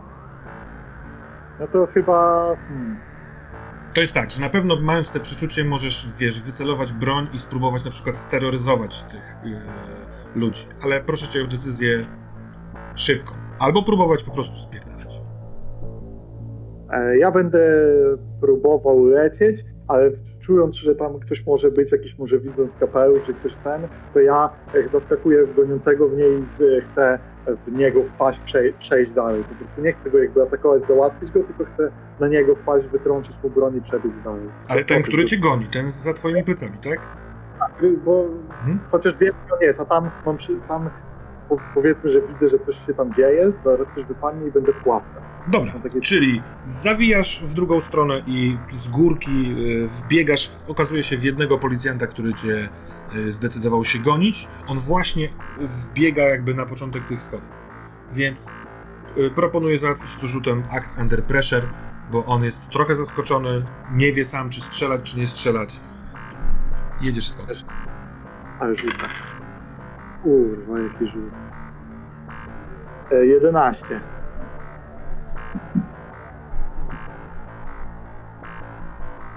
Właśnie będzie finał szybko. Dobra. Wpadasz na niego, zderzacie się. On był w trakcie podnoszenia broni, chyba żeby wiesz, zagrozić, nawet zaczął mówić stój! Ale w, przez ten impet, który, w który uderzacie, yy, yy, obaj wytracacie prędkość. Jakby opadacie w miejscu, w którym się zderzyliście. Ty przez to, że yy, udało ci się to zrobić, jesteś w stanie jako pierwszy wstać i zacząć robić inną akcję fizyczną, ale słyszysz, że piętro wyżej y, otworzyły się właśnie drzwi i słychać głosy policjantów. Stać, stać! Oni cię jeszcze nie widzą, bo jesteś dokładnie pod nimi, ale takie dźwięki się dzieją. Przerwa. Jeremy? Wyjście z domu w Argyle Road i chwilę tego rozpoznania, że się jest w innym miejscu, jest jednocześnie timelapsem, który hops, paląc peta, który wisi ci z ust, idziesz yy, bez tej swojej torby, bo ona została w szatni, bez kurtki, ona została w szatni, tylko w swetrze żeglarskim z podwiniętymi rękawami, w takiej czapce materiałowej z daszkiem, która bardziej chroni od słońca, kiedy ono świeci, jak robicie wyładunek. Yy, idziesz przez nabrzeże w stronę yy, Grand Campa, statku, który przypłynął przedwczoraj wieczorem. W ciągu wczorajszego dnia trwały prace takie jakieś organizacyjno-księgowe, a dzisiaj od rana trzeba powyładowywać te wszystkie rzeczy, które zostały przywiezione yy, z Francji. Ale ja mam coś tam zrobić, prawda? Mhm. Ty idziesz do Sam. pracy, żeby wyładować, ale yy, wiesz, że masz wrzucić yy, tlącego się papierosa do miejsca, które widziałeś we śnie. Ten statek stoi dokładnie w tym miejscu, w którym w jakimś innym świecie, w jakimś śnie, z punktu widzenia Freda, stoi taki sam statek, tylko w mniejszej formie i nie stworzony z rzeczy, dzięki którym statek pływa, tylko z materiałów do oglądania, z białego kamienia. Widzisz rusztowania przy Grand Campie, ale to wszystko znika. No No idę do pracy po prostu. Mhm. Jest taki trap, który długo, długo, długo prowadzi na e, pokład.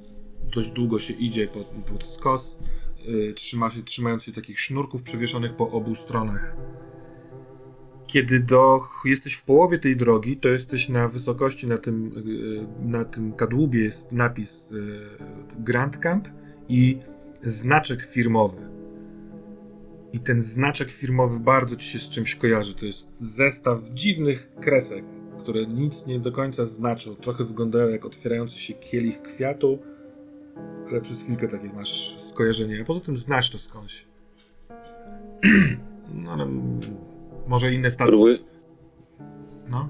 próbuję sobie przypomnieć, skąd ja to mogę znać.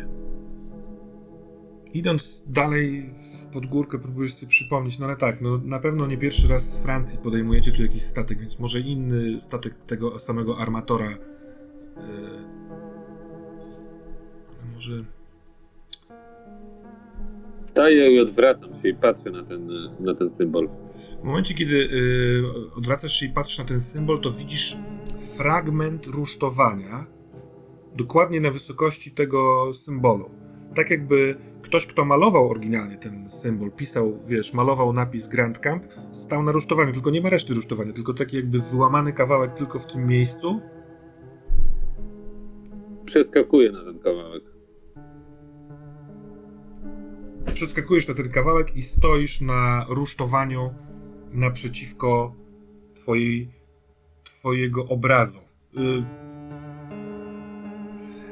te dwie ró- różne dwa toki myślenia cały czas są w tobie. Y, będę mówił, wypowiadał oba, a ty sobie rób z nimi co chcesz. Fred nie jest zaskoczony tym, że ma w głowie inne rzeczy. On od jakiegoś czasu śni o tysiącu światów, spędza w ciągu doby znacznie więcej godzin niż normalny człowiek, bo kiedy śpią z Anitą, potrafią podróżować całymi godzinami, całymi dniami przez przenajróżniejsze y, krainy. Więc to, że teraz ma czyjeś wspomnienie albo śni czyjś sen, a może to, co, do czego namawiał go ten wielki, potężny czarownik, właśnie ma się dziać w ten sposób, bo widzisz, że ten na tym kadłubie obraz, na który patrzysz, on żyje. On pomiędzy kreskami kadłub migocze, tak jakby by nie był z metalu twardego, tak jak kadłub jest, tylko jakby można było włożyć tam rękę w tę ciemność. Mhm. Rozglądam się naokoło. Co, co jest naokoło mnie? Naokoło ciebie trwa poranek na nabrzeżu w Texas City. Dużo ludzi, y, jedni prowadzą taczki, drudzy niosą coś ciężkiego, ktoś ma taki prymitywny wózek widłowy, który po prostu siłą mięśni pcha, ale ma takie dwa widelcowate podpory, na których jest ustawionych dość dużo pak. Tu i tam ktoś pali peta i gada, tutaj wygląda ktoś y, bardziej elegancko ubrany i dyskutuje nad jakimiś papierami. Sporo statków. y, y, Część jakby, wiesz, przy tym nabrzeżu, ale część na redzie, bo ten y, cały port jest bardzo, bardzo duży. Statki stoją w kolejce, żeby y, przybić do brzegu. Niektóre są, mają wyznaczone miejsce i fajne jest to miejsce pod tym kątem. Y, Ujęło się Ale to jest, to się dzieje w której rzeczywistości? W rzeczywistości Freda, czy w rzeczywistości namalowanego obrazu? Fred lubi takie pytania. Sobie samemu zadawać. I szczypie się, taki miał odruch na samym początku tych, y, te- tej swojej przygody i czuje uszczypnięcie, więc nie śpi. Patrzy na swoje ubrania, więc jest przekonany, że jest w 47 roku i mamy 17 kwietnia. Ale namalowany y, ten znaczek, on chyba nie jest stąd ale z nim się wiąże jakieś nie najlepsze przeczucie tego kogoś, kto z tobą teraz jest w twojej głowie. Bo pomiędzy tymi kreskami jest miękka materia. Chce się tam włożyć e, rękę, żeby sprawdzić, czy jest miękkie, bo przecież to statek, ale tu jest coś nie tak. To wkładam tą rękę tam. Wkładasz rękę pomiędzy namalowane linie białą farbą, tworzącą ten obraz, który chyba ktoś kiedyś w jakiejś rzeczywistości nazwał wyrwa. I rzeczywiście twoja ręka wchodzi w tę wyrwę na kadłubie statku i zaczynasz, wkładając ją coraz głębiej, słyszeć Włączam Enhanced Awareness. Czyli krótko mówiąc, chcę zobaczyć prawdziwy świat. Rzucaj.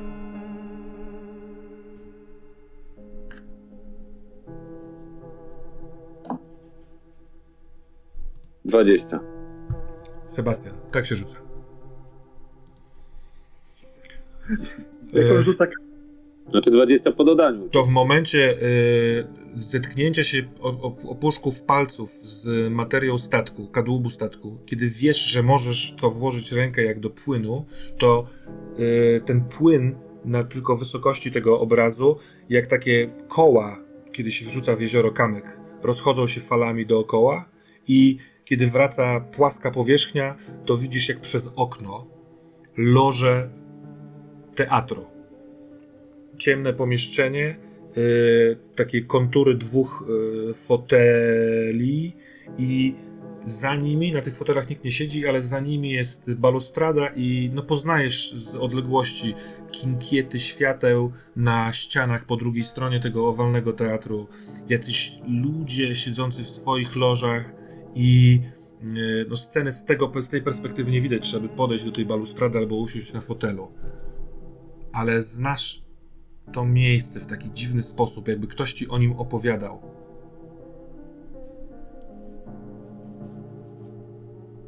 Wchodzę tam. Wchodzisz do środka i jesteś w ciemnym pomieszczeniu, w którym pachnie, e, no powiem, teatrem. Ty sobie wyobraź, bo właśnie w teatrze jesteś. Słychać już dźwięki, i te dźwięki to jest taki szmer ludzi, którzy czekają na rozpoczęcie spektaklu. Spektaklu. spektaklu. On jeszcze się nie rozpoczął, jeszcze nie słychać tych podniesionych głosów, które mówią super głośno, tylko raczej cichy szept ludzi, którzy wiedzą, że zaraz się zacznie i czekają. Ale ja jestem jakby od strony widowni cały czas. Tak, ty jesteś w środku w pokoju w loży. Wszedłeś jakby od, y, jako, jako Mhm. widz. Masz przed sobą dwa fotele, na których możesz sobie usiąść i balustradę. Jak wyjrzysz, to dostrzeżesz scenę. A, a co jest na scenie? No, zrobisz te kilka kroków w, w stronę tej balustrady, więc po pierwsze widzisz scenę, która jest absolutnie pusta. Jest takim dużym półokręgiem y, desek drewnianych. Jest w głębi sceny kurtyna, ale masz wrażenie, że ona nie do końca tam powinna być, tylko powinna być z przodu, żeby coś zakrywać, ale scena jest niezakryta.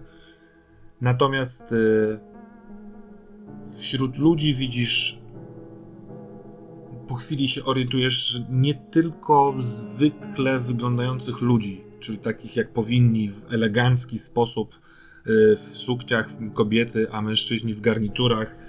Niektórzy tak, niektórzy mają upięte włosy w wymyślny sposób, wysokie cylindry, ale zaczynasz dostrzegać ludzi ubranych w bardzo dziwne stroje. Takich, których nie znasz, ale pewnie ten drugi ty zna. Niektórzy palą papierosy, tak jakby mogli to robić. Niektórzy są y, dziećmi, więc to chyba spektakl będzie dla dzieci. Ale widzisz też typa, który wytrąca cię z równowagi. Jest nagi, stoi przy balustradzie i rozgląda się tak trochę szybciej, patrząc na widzów. Ma wiele ran na całym ciele, takie skórzane jakby szelki, które może podtrzymują spodnie, ale ich nie widać. On ma długi tułów, taki trochę obleśny, biały, bez włosia, taki wisząca ta skóra jest.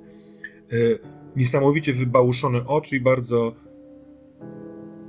On cię goni. Przychodzi ci myśl do głowy, nawet odruchowo przez chwilkę cofasz się w głąb, żeby yy, nie wychylać się tak z tej balustrady. Co masz w planach zrobić? Ale gdzie on jest tak naprawdę? On jest dwa piętra poniżej, na lewo od ciebie. Ty jesteś na jakimś czwartym yy, piętrze widowni. Okej, to odwracam się i wracam do tego miejsca, przez które jak gdyby przeszedłem. I co E, tam jest? Drzwi wyjściowe na korytarz teatru, ale Mhm. na nich yy, zawieszona, mimo że tam jest ciemno, w ogóle w tym pomieszczeniu jest ciemno, światło dobiega tylko z wnętrz, jakby z teatru, to widzisz, że ktoś zawiesił albo namalował taką, t- t- ten, ten okrąg składający się z kresek. On odbija jakieś, jakoś światło, widocznie białe są te e, kreski, które są to zrobione, ale jesteś świadom, że to jest w tym samym miejscu. Może nawet jak przyjrzysz się, to widzisz, kurde, Texas City po drugiej stronie. Hmm. I to są drzwi normalnie? Tak, to są drzwi, którymi możesz wyjść też na zewnątrz. No normalnie z takiej loży y, teatralnej wychodzi się na korytarz, możesz wyjść na korytarz teatru. No to otwieram te drzwi, żeby zobaczyć, co tam jest. Mm, to jest opuszcz... znaczy pusty teatr. Taki kojarzący się z bardzo starym budynkiem, y, wiesz, któreś tam nastego wieku, bo są drewniane schody, drewniane balustrady prowadzące, łą- łączące piętra, ale y, gdzie niegdzie obrazy, y, bardzo jakichś takich sytuacji właśnie dramatycznych, właśnie światła są ze świec, które są powbijane w takie kinkiety, na, jakby z- z- zło, złociste. Yy, właśnie po lewej stronie masz klatkę schodową. Korytarz, który okala te wszystkie y, loże, w których y, siedzi się na czwartym piętrze. Zapach kurzu i starości, ale nie widać nikogo w tym pomieszczeniu. Tak jakby było opuszczone, a może już wszyscy weszli? Hmm. Cofam się z powrotem. Mhm.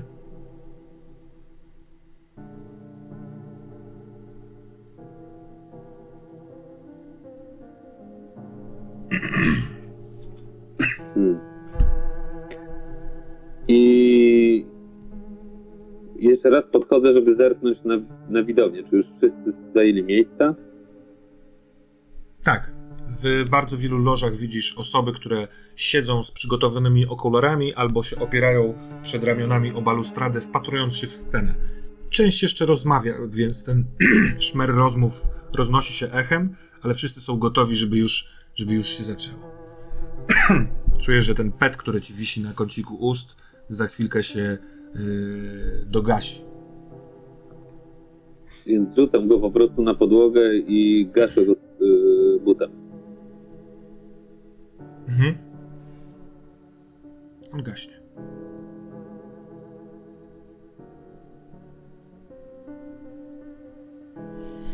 Ed. On pacnął plecami o ścianę, opadł dupą i ma co najmniej kilka sekund, kiedy będzie próbował na nowo zdefiniować rzeczywistość. Ja, ja mu poprawiam, bo to jest tak dużo, on musi stracić przytomność, bo to już jest za duże ryzyko. To wystarcza Staram drugi cios. Jedziesz mu w nasadę nosa, pach, on głową uderza w tył y, ściany i spływa za tobą z recepcji krzyk. Na pomoc! Na pomoc! Oraz słyszysz też hałas w tym kierunku, do którego pobiegł y, Michael. Martwię się o młodego, ale plan to plan. I więc biegam do środka, patrzę, kto krzyczy na pomoc. Recepcjonistka, która jak tylko odwracasz się, to przestaje krzyczeć i próbuje zanurkować, wiesz, poniżej Bardzo dobrze. lady. Planowałem, y, że groza billboardów robi swoje bez gadania. Rozglądam się natychmiast naokoło, czy są tu jacyś inni policjanci, ktoś inny, kto jest realnie groźny. No, ym, obaj policjanci siedzieli na ławkach po dwóch stronach wejścia. To są szklane drzwi prowadzące na y, korytarzem na jeden z oddziałów. Oni strzegli wejścia na ten oddział. Ale przez te szklane drzwi widzisz, że w połowie tego korytarza siedział, ale już teraz nie siedzi, policjant, który wstał, wyciąga pistolet i zaczyna przymierzać się do, w twoją stronę. Mhm. Ja podbiegam do rogu najbliższego, takiego, żeby jakby. Zakładam, że tam koło tej recepcji jest jakiś róg, za który można się schować i potem się wychylić ewentualnie i. Mhm. Tak, sama recepcja może być takim rogiem. Y, tylko, że y, ten człowiek jest we wnętrzu korytarza i dzielą was szklane drzwi. Aha, okej. Czy w, Ja czy wchodzę, wchodzę. chodziło bardziej o wejście na ten korytarz i tam schowanie Tak. gdzieś, tak? Tak, to tak, też tak, jest tak, tak. spoko, ponieważ wejścia do sal są tak jakby w takich wyłomach. Nie są Mhm. na równi ze ścianą, tylko z takim malutkim, nie wiem jak to powiedzieć, futryną. Y, Mhm. Więc to nie jest duża ochrona, ale zawsze to jest jakaś ochrona. Więc próbujesz się przebić do takiej ochrony. Y, Tak. On będzie próbował strzelać. Czy ty y, pędzisz, żeby się schować, czy od, od, oddajesz ogień? Ja pędzę, żeby się schować na razie. Dobra. Act under pressure.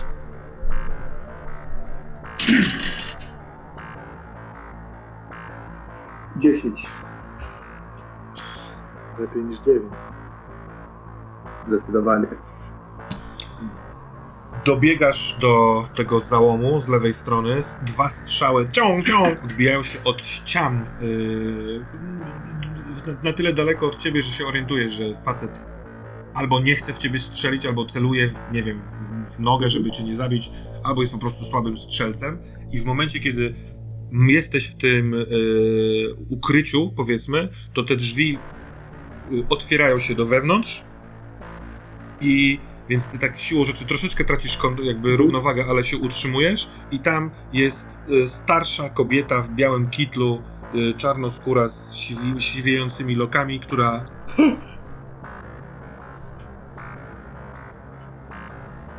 I daję jej znać, żeby wyszła tam skąd przyszła. dobra, Mam pistolet w dłoni, więc jakby... Ona- absolutnie posłusznie cofa się y, wewnątrz, ale ty słyszysz, że ten policjant robi kroki. Słychać jakby pacanie butów o linoleum, czyli skraca dystans sekundę. Michael, zderzyłeś się z nim. On jest y, nieco bardziej zaskoczony niż ty. Y, Słyszysz rumor piętro wyżej. Co, jaki jest plan? Lecę w dół! Je- Niżej, na drugie. Dobra, Chcę na drugie w- i wbiec w drugie. Szuka i też bardzo się rozglądam za e, alarmem przeciwpożarowym. Jak już się bawimy, to już do końca. dobra. Y, alarm y, jest tuż przed wejściem na drugie piętro, więc musisz zejść z tego trzeciego piętra na pół piętro, a później na, na jakby drugie pół piętro jesteś przed drzwiami na drugie piętro i tam jest alarm, y, przycisk na alarm. Natomiast kiedy zbiegasz i jesteś na tym zakręcie, pada strzał z góry. Y, by- Pierwszy był ostrzegawczy, więc lecę. Act under pressure. A nie, przepraszam, tu jest na to przecież rzut. Avoid harm. Oj, harm. Tak. Rzucałem na to nigdy, pierwszy raz. Wow. A zdradzę wam sekret, że jestem w tym zajebisty, bo próbowałem to punkty od początku gry. Mam plus 4. Już to dzisiaj słyszałem. Tak. Przy innym rzucie. 11! Znowu ten sam rzut. Dobra. Mhm. Nie ma, nie jest źle na pewno. Mm. Obrywasz. Dostajesz w biceps prawy. Jak jesteś już prawie za zakrętem, to zostajesz muśnięty w prawe ramię. To jest jedna y, poważna rana. Zabij się proszę, draśnięty w ramię. Y, natomiast kiedy widzisz na wprost naprzeciwko siebie te wyjście na drugie piętro, to twój szósty zmysł podpowiada, że stamtąd nikt cię nie goni, ale z góry, z tego piętra powyżej, wiesz, tymi takimi ciężkimi butami jak najszybciej po schodach zbiegają ludzie krzycząc Stój, policja, stój! Kurwa, nie strzelajcie! Dobiegasz do guzika z y, alarmem, czy zatrzymujesz się? E, dobiegam do guzika z alarmem i nie wiem, czy to nie jest dobry moment, żeby rzucić na tą całą sytuację na zimną krew, bo jestem już w walce. Jak do mnie postrzeli, to znaczy, że jestem już uczestnikiem w walce. Rzucaj. Zobaczymy, czy jestem w stanie się opanować w ogóle. Mhm. Działać roztropnie, ale jest kur... Nie, nie, koniec. Rzuciłem cztery razem, czyli osiem. Czyli otrzymuję jedną przewagę, ale przyciągam uwagę wrogów. MG wykonuje ruch. Dobra. Ym,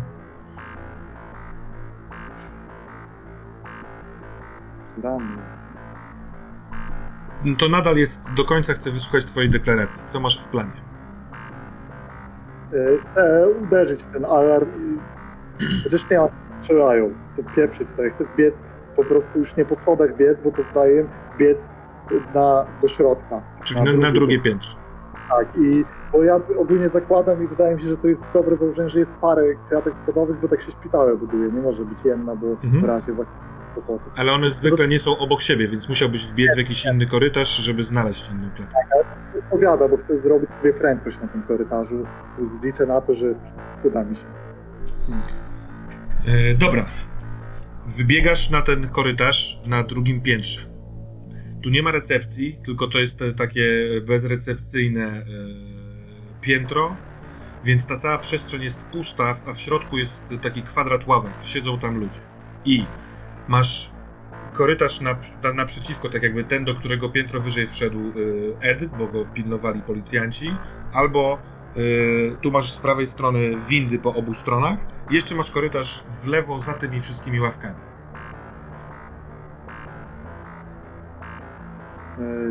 Który się wydaje jakby takim głównym, który... Ten w lewo, y, bo ten, ten naprzeciwko wygląda jakby był ewidentnie jakimś takim wydziałowym, więc niekoniecznie tam mogą być schody, muszą być schody, tamten jest taki główniejszy. To ja biegnę i krzyczę do tych ludzi Czekajcie, terroryści atakują. Chcę ich podnieść, żeby się rzucili z, Dobrze. z. A ja wykonuję ruch, bo jeden z tych mężczyzn cię rozpoznaje i szarżuje cię. Kiedy ty przebiegasz obok, facet, który siedział na tej ławce, rzuca się na ciebie, próbuje cię wywrócić.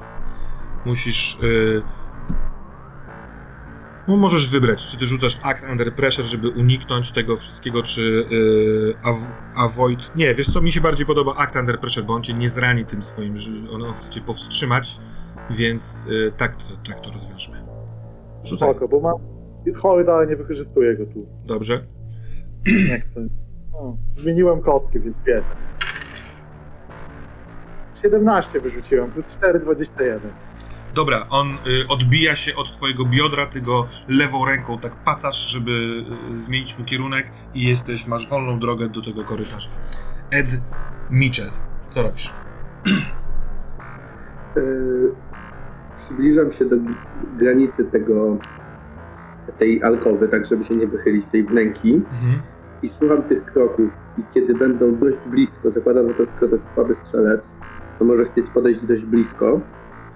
E, Chcę e, wybiec nisko na nogach, e, pochylając głowę tak jak baran i zaszturmować na niego, żeby go wywrócić. I uderzyć czy coś. Chcę po prostu wejść z nim w- w mele. Ale wiedz, że y, on widział, gdzie pobiegłeś. Mhm. Jeśli podchodzi blisko do ciebie, to na pewno y, z bronią wyciągniętą naprzeciw, więc y, zanim go dob- dobiegniesz, na pewno będzie mógł oddać strzał, jeżeli taka będzie jego intencja. Mhm. Ja liczę, że się, że się trochę. W sensie, ja chcę zrobić tak, chcę zrobić tak duży sus, kiedy wyskoczę, Mhm. żeby nie stanąć natychmiast w miejscu, gdzie on się Mhm. spodziewa, po czym ruszyć w jego stronę. Ja zakładam, że on może strzelić, po prostu liczę, że spuduje w stresie. Dobra, to poproszę cię o to, bo on strzela w momencie, kiedy ty y, po tym długim susie ruszasz w jego stronę, ale jest zaskoczony i przestraszony, więc rzuć proszę na avoid harm, y, natomiast y, masz do tego rzutu plus jeden ode mnie. Okej, czyli mam dwa refleksu, ale jest to tragiczny rzut, więc trafił. W sensie najniższy wynik.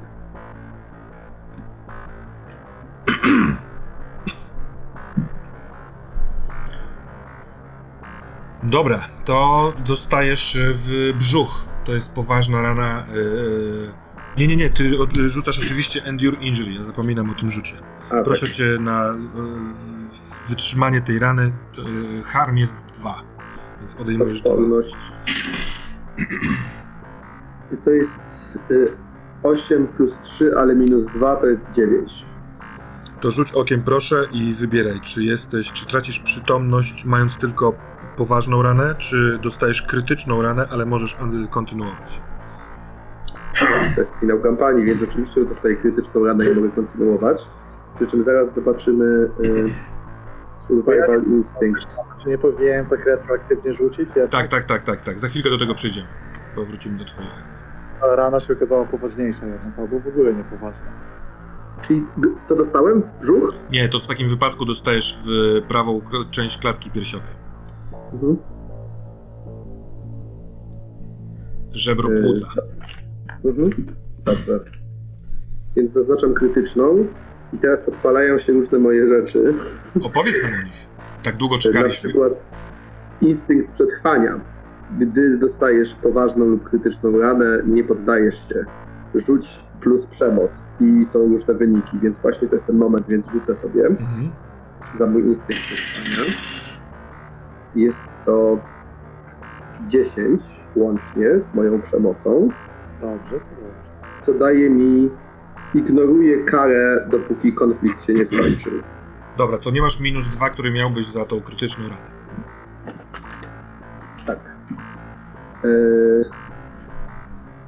I co? I on wystrzelił. Liczę, że wystarczy mi zaskoczenia i tego, że nie padłem, więc ja. Yy... Ty, jakby wiesz, to cię na pewno trochę zatrzymało, ale Jasne. Więc nie dobiegniesz do niego, żeby skrócić ten zasięg do takiego właśnie, jak mówiłeś, mele czy walki na dystansie, yy, ale możesz do niego oddać strzał. Albo biec w jego stronę, natomiast wtedy on, zanim ty do niego dobiegniesz, Jasne. pewnie odda drugi. Yy... Okej, mam też do niego plus, plus dwa przeciwko niemu oko za oko, Tak jest. więc. więc yy... Nie no, ja strzelam do niego. Ja strzelam do niego. Yy, Jest przebieg Edowy przez myśl, że no to jest przykre, że musi to zrobić, bo widzę, widzę, że to nie jest żaden kultysta, to zwykły policjant gdzieś tu wstawiony w to wszystko, no ale trudno. Więc strzelam do niego i bez, bez kary Tak jest. Mam plus 5 łącznie. No i teraz, gdy trzeba zabić niewinnego człowieka, to ma świetne rzuty, bo jest to y, 13 z kostek plus 5, czyli 18. Trafiasz go una w nasadę szyi. Yy, on obraca się spiralnie, łapiąc się ręką za, za tę ranę, zapominając o pistolecie. Yy, kończąc, kręcąc, kręcić się, pada tyłkiem na glebę. Yy, Michael, Jak go, rzeczy, sekundę. Rzeczywiście rzućmy retroaktywnie na twoje wytrzymanie kontuzji. Tamten, yy, tam te, te draśnięcie to było jeden. Harm. Czyli rzucam wytrzymałość minus ten, czyli na minus jeden, bo mam zero odporności, bo Mhm. taki był plan stawać rany. Czyli na minus jeden. Czyli No prawdopodobnie jest wykończony. No właśnie. No jest dupa, nie? No jest y, osiem. to ym, pozwolę ci, y, wiesz, nawet wybrać, że tracisz przytomność. Po, po kilku krokach mogłeś stracić tą przytomność, mając tylko poważną ranę, albo jesteś na krytycznej ranie, y, ale działasz dalej. No jestem na krytycznej. To wiesz, co zróbmy? Ty dostałeś y, w miejsce, które silnie krwawi, dlatego to jest krytyczna rana, ale cały czas sadzisz i, i biegniesz. Niech to będzie dalej ramię, ale nie wiem, gdzie tam jest jakieś duże ukrwienie. W barku? Tu, pod No. tym. Tu się dostanie to. Tak, no to taka pacha właśnie. No. Ty y, możesz wbiec. Za rzeczy związane z rękoma teraz i tęczy do wszystkich. To nie, nie dostałem nigdy, to się nie. Tak, dokładnie tak. To jest minus dwa do wszystkich y, testów, które będziesz robił y, fizycznych. Okej. Dobra. Jak się bawić, to się bawić. Wiesz co, ja przesadziłem, przepraszam, bo krytyczna rana sama w sobie i to też dotyczy, dotyczy ciebie Ed, to jest minus jeden do wszystkich testów. Na Dobrze, karcie. Ty jesteś tam w tym miejscu, gdzie wbiegasz do korytarza. Słyszysz absolutnie pogoń za tobą. To ci ludzie, że z tym zamieszaniem tam się rzucą, trochę ich zatrzymają, więc ja po prostu pędzę e, e, szukając równoległej klatki schodowej, Mhm. e, bo zwykle tak właśnie jest, że ten główny korytarz z tej strony była jedna, to z drugiej będzie druga, bo muszą być oddzielne. Tak zakładam sobie, może niesłusznie, ale chcę tam polecieć i wylecieć i wbiegać, zaskoczyć ich i wbiegać na górę, ponieważ oni podejrzewają, że uciekam z budynku. To jest, to jest mój strzał. Dobra, dobra, czyli wbiegasz na klatkę schodową i biegniesz na górę. Ja nawet biegnę na górę i nawet e, przytrzymuję się trochę, żeby nie było słychać, gdzie się słyszy, że za mną. Tu. W sensie gram na to, że pobiegną w dół, w sensie zwalniam. z- Dobra, dobra, to zaraz ci powiem, czy pobiegli y, w dół, a y, Ed Mitchell. ja nie czekam nawet, jak on upadnie.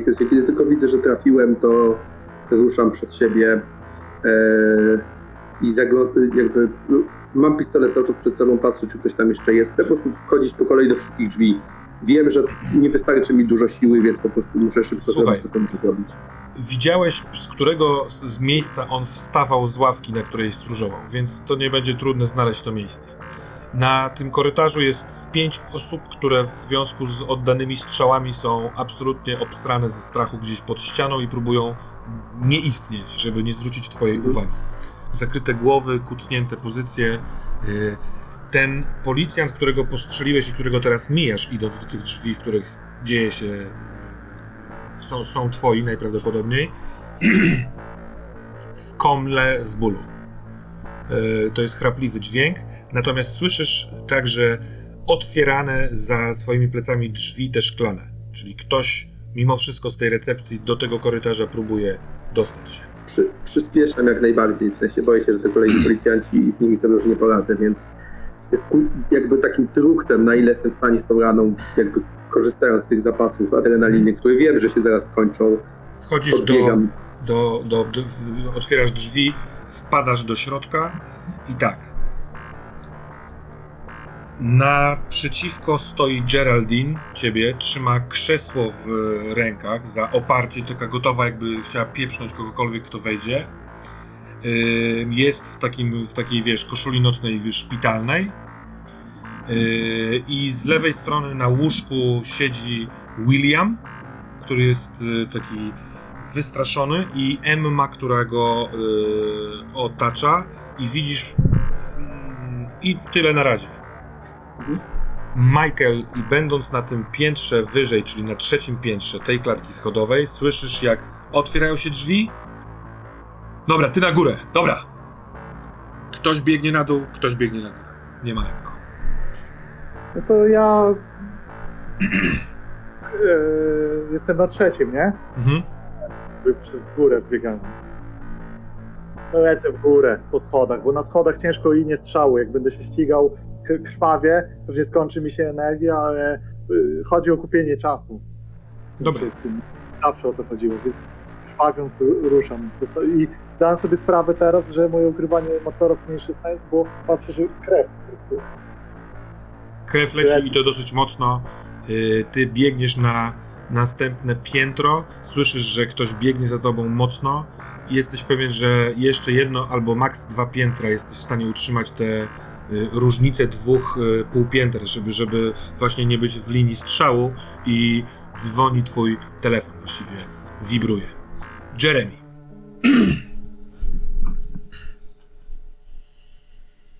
Jaki jest twój plan w tym teatrze? No przede wszystkim, czy tam się coś zaczyna w ogóle. Zmieniają się światła, zmniejszają się płomienie na świecach, przez to y, światła, które oświetlają scenę, są takie intensywniejsze i cichną głosy wszystkich.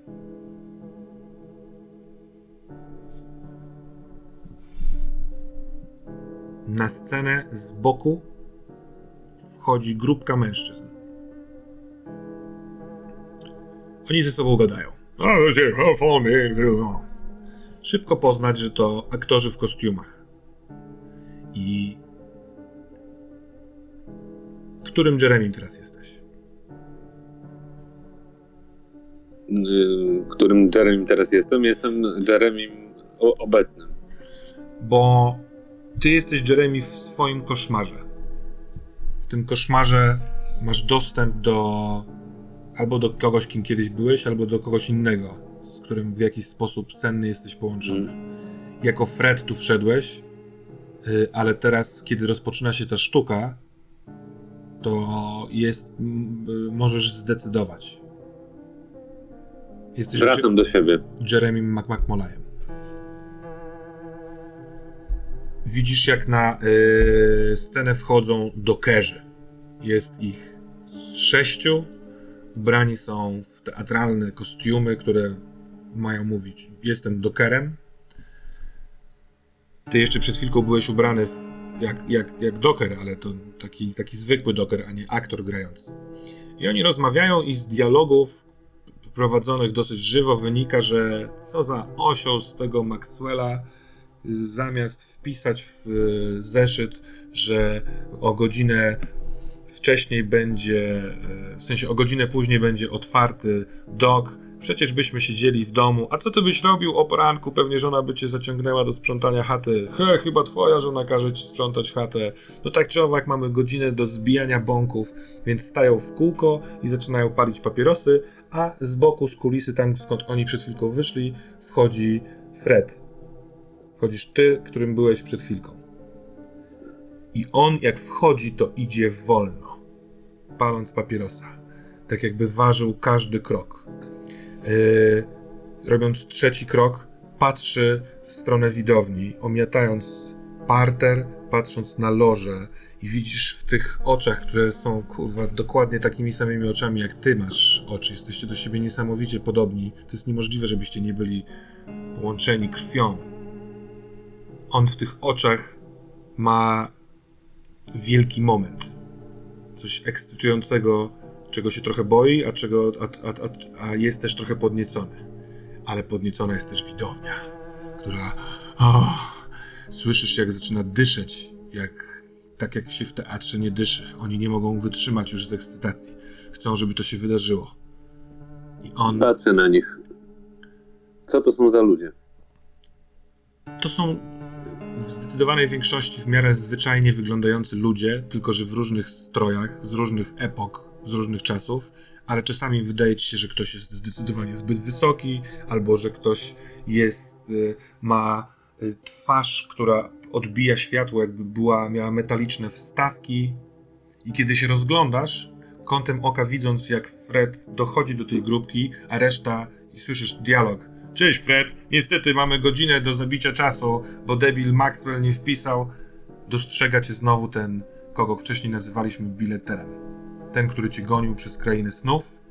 I kiedy on w cię widzi, to tak jak stoi przy balustradzie, wyskakuje na tej, z, tej loży i niczym, e, wiesz, ktoś, kto potrafi chodzić po ścianach, e, próbuje dostać się na czworaka w te dwa piętra wyżej, żeby dopaść do loży, w której jesteś. Mhm. A ja widząc go, rzucam się do tyłu i chcę. Dobiegam do tego symbolu i chcę wrócić do. Y, normalnie do świata, na rusztowanie. w momencie, kiedy wnikasz w tę wyrwę i zaczynasz przechodzić na drugą stronę, to słyszysz y, głos aktora, który krzyczy: Fred, co ty robisz? Jesteś na placu Nabrzeża w roku 2022. Wokół jest dosyć sporo gapiów, którzy patrzą w stronę sceny drewnianej. Na tej scenie jest mikrofon przygotowany, owinięty tak, takimi wstążkami w barwach Stanów Zjednoczonych. Z głośników porozstawionych tu i tam leci muzyka. Yy, rozstawionych jest kilka takich cateringowych budek. Jako, że godzina jest yy, wczesna, to te życie jest takie powolne. To jest dziwne obchodzić obchody o 9.17, więc. Yy, ale jest tutaj może nawet ze 100 osób, dość dużo policji, ochrony i ty, Jeremy McMolay, z ręką w ortezie. Na zupełnej jawie. Ed. Geraldine już się chciała zamachnąć i... To ty? Jesteś ranny. Córeczka, córeczka, spokojnie. Idziemy w miejsce, gdzie mnie wyleczą. Ufasz mi? Ufasz Tak. mi, prawda? Tato. To- William wstaje. Tato. Pokazuje Tak, palcem w stronę, w stronę twojej rany, rany. Tato, strzelali. Spokojnie. Strzelali. Spokojnie. Spokojnie. Wyciągam te tabletki. Aha. Podaję. Geraldine, zjedz to. William, jedziemy do lekarza, gdzie mnie wyleczą. Jedź ze mną. Strzelali. Strzelali. Tak, tak. Spokojnie. Emma się pyta. Gdzie, gdzie jest Michael? E, Też ma swoją tabletkę. Zaufaj mi. Jestem tutaj razem z nim. Zjedz to. Zjedz to teraz. I podaję jej tabletkę. William, yy, najpierw Geraldine, potem William. Emma najbardziej się waha, ale w momencie, kiedy Geraldine znika, jakby się przeźro, uprzeźroczyszczała, patrzy na to wielkimi oczyma. Ty słyszysz za plecami Policja, wyjdź z tego pomieszczenia z podniesionymi rękoma. Ona Nie odkładam broń, wyciągam tabletkę, jakby, żeby słyszeli, że odkładam broń, żeby nie wchodzili zanim zdążą spokojnie zażyć. Patrzę, czy oni wszyscy zażywają i mówię, poddaję się, już wychodzę. i faktycznie jakby patrzę, czy oni wszyscy jedzą tabletki, Emma, sam chcę zjeść. Emma wzięła z twoich palców y, tabletkę. William znika. Ty masz w ręku swoją tabletkę, odłożyłeś już pistolet. Emma znika i słyszysz, że przez drzwi wchodzi z wycelowanym pistoletem w twoją stronę, y, w sensie w stronę wnętrza, policjant. Zjadam tabletkę w tym samym czasie, bez broni. Podnoszę, ręce, jakby podnoszę jedną rękę do góry, drugą robię coś takiego. Mhm. Po prostu, po drodze. Dobra. Y, Michael, a ty jaki masz plan? Odbierasz telefon, sprawdzasz kto to, czy biegniesz, czy zażywasz tabletkę.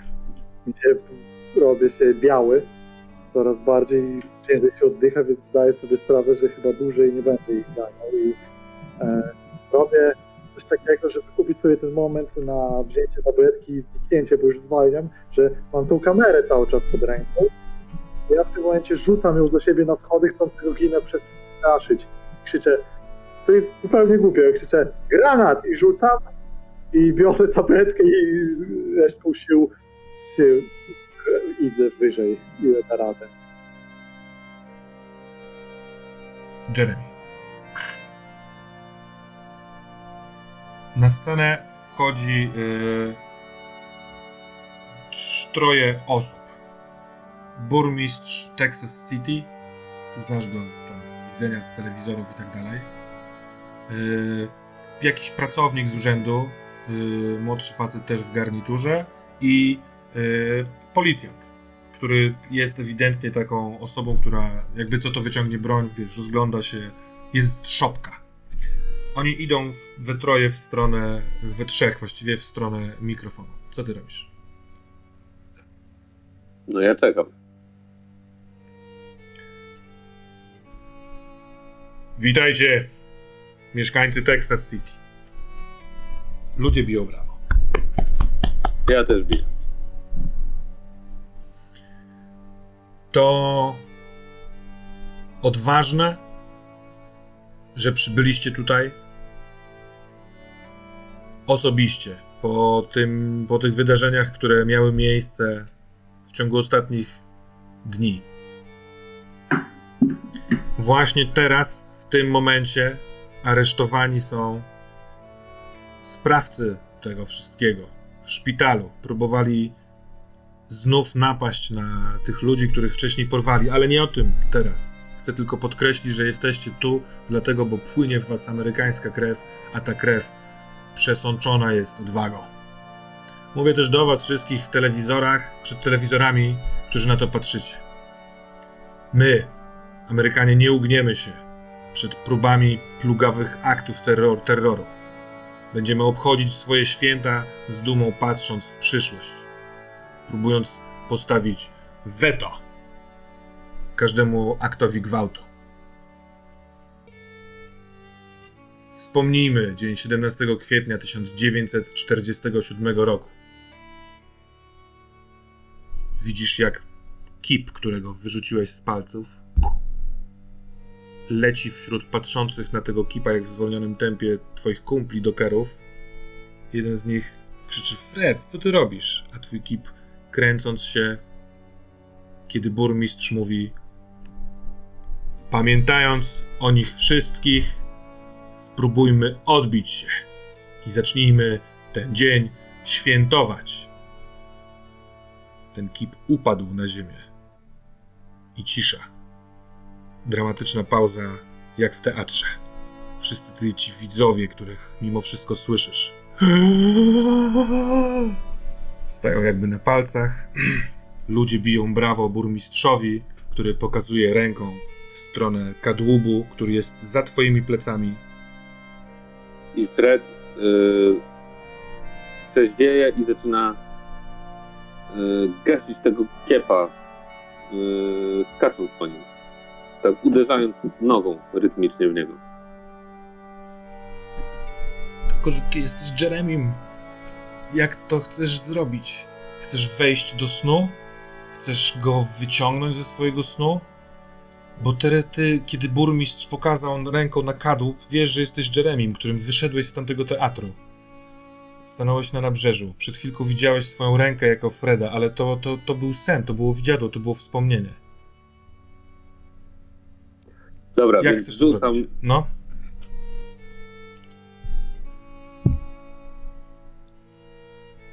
Wyciągnij peta ze stół.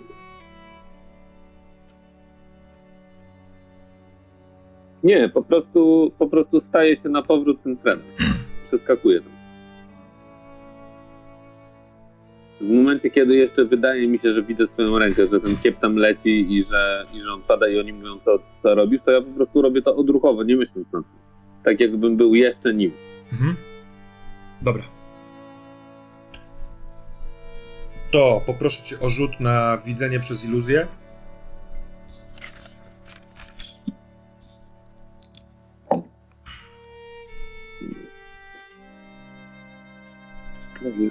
Dziesięć. No nie jest źle.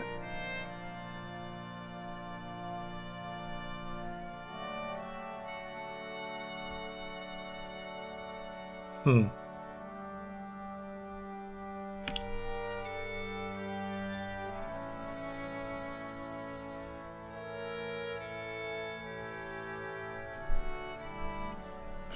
Rzucasz się za tym kipem na pokładzie statku Grand Camp w 1947 roku.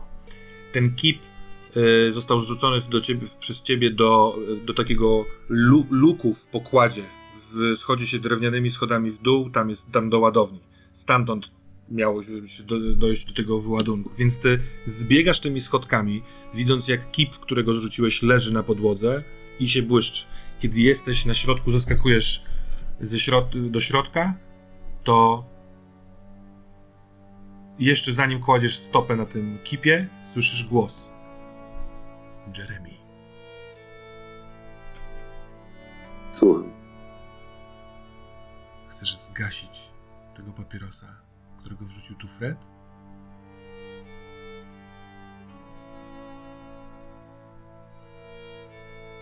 Wtedy odwołasz wybuch, który wydarzył się w 1947 roku.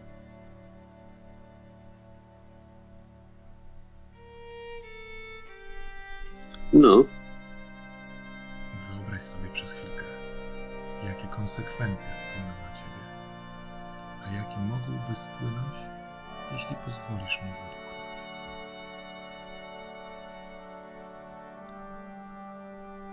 Czy chcesz, żebyśmy wszyscy na wieki bawili się tobą za karę? Czy chcesz się obudzić i móc robić co tylko zechcesz? ty jesteś Togerini? Tak. Gaszę tego peta stopą.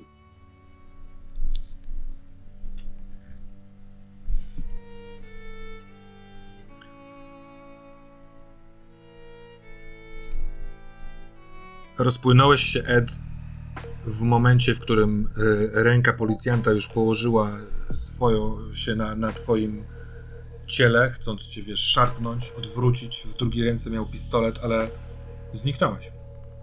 Jeszcze tylko słyszałeś fantastyczne angielskie słowo, które pasuje do wszystkich takich sytuacji. Oh fuck. I pojawiłeś się na pustynnym piasku. Geraldine przytula Williama. Emma idzie w stronę półleżącego na piasku yy, Whitehata, który krwawi dosyć obficie z, z, z pachy. William wyrywa się siostrze i rzuca się do ciebie. Strzelali, tato, strzelali i chce się do ciebie Tak, przytulić. synku.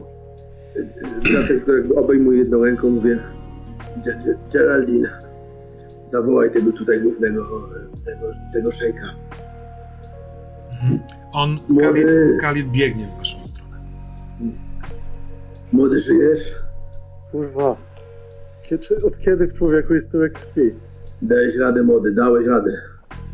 Dzięki. Widzisz, widzisz udało się. Udało się, dodam teraz kurwa magiczne lekarstwo z krainy snu i może nawet nie umrzemy.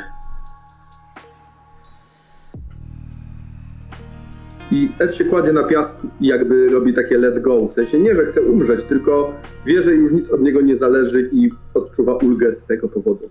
Mhm. I po prostu czeka, aż zostanie opatrzony przez kogoś innego. I ktoś coś z nim zrobi, on już jakby nic ze sobą nie robi. Rzeczy na tej pustyni yy, są oniryczno-surrealne, bo ktoś yy, wyjął instrument i gdzieś tam przy ognisku gra, a ktoś inny śpiewa takim wysokim, łamiącym się głosem arabską pieśń. Yy, twoje dzieci, Ed, próbują cię przytulić, być z tobą, yy, tamować krew rękoma. Geraldine cały czas mówi thank you, thank you. Ty, Michael, jesteś w uścisku Emmy, która całuje czoło, policzki, nos. Yy, próbuje się przebić przez, te, przez tych ludzi, którzy was kochają. Yy, kładzie jakieś takie mazie na miejscu, gdzie jesteście ranni, ta muzyka was koi, ludzie z namiotów zaczynają wy, wychodzić, wybiegać, kro, tworzą krąg po, po, wokół was i tańczą do tej muzyki, która tam jest grana, jakby przyjmując was do tego miasta. I dochodzimy do końca i chciałbym, żebyście zaproponowali epilogi waszych postaci. Oddaję wam y, y, Ed i Michael do w wasze ręce los. y, Gdzie chcecie opowiedzieć ten swój epilog? Czy po trzech miesiącach, czy po sześciu miesiącach? Czy co się z wami wydarzyło? A potem przejdziemy do epilogu Jeremiego. Ja myślę, że jeszcze przed, tuż przed samym epilogiem, ja bym tylko tą scenę skończył, kiedy tak leżymy, myślę, że się widzimy z White Hatem leżący w niej poduszkach w namiocie i patrzę się na White Hata i mówię Widzisz, młody, ten cały pierdolony Jeremy okazał się niepotrzebny od samego początku do samego końca. I, się, O! i, się, I się podśmiechuje. E, A teraz epilog. E, Myślę, że epilog jest taki, że widzimy Eda na wielbłądzie, ubranego tak jak Lawrence z Arabii, w sensie w te takie szaty, już e, skarawan jest ogorzały na twarzy, jeszcze bardziej niż zwykle, przez to teksański słońce, zawsze był chyba taki czerwono-brązowo opalony i Tak, tak, tak. ale teraz jest jeszcze bardziej.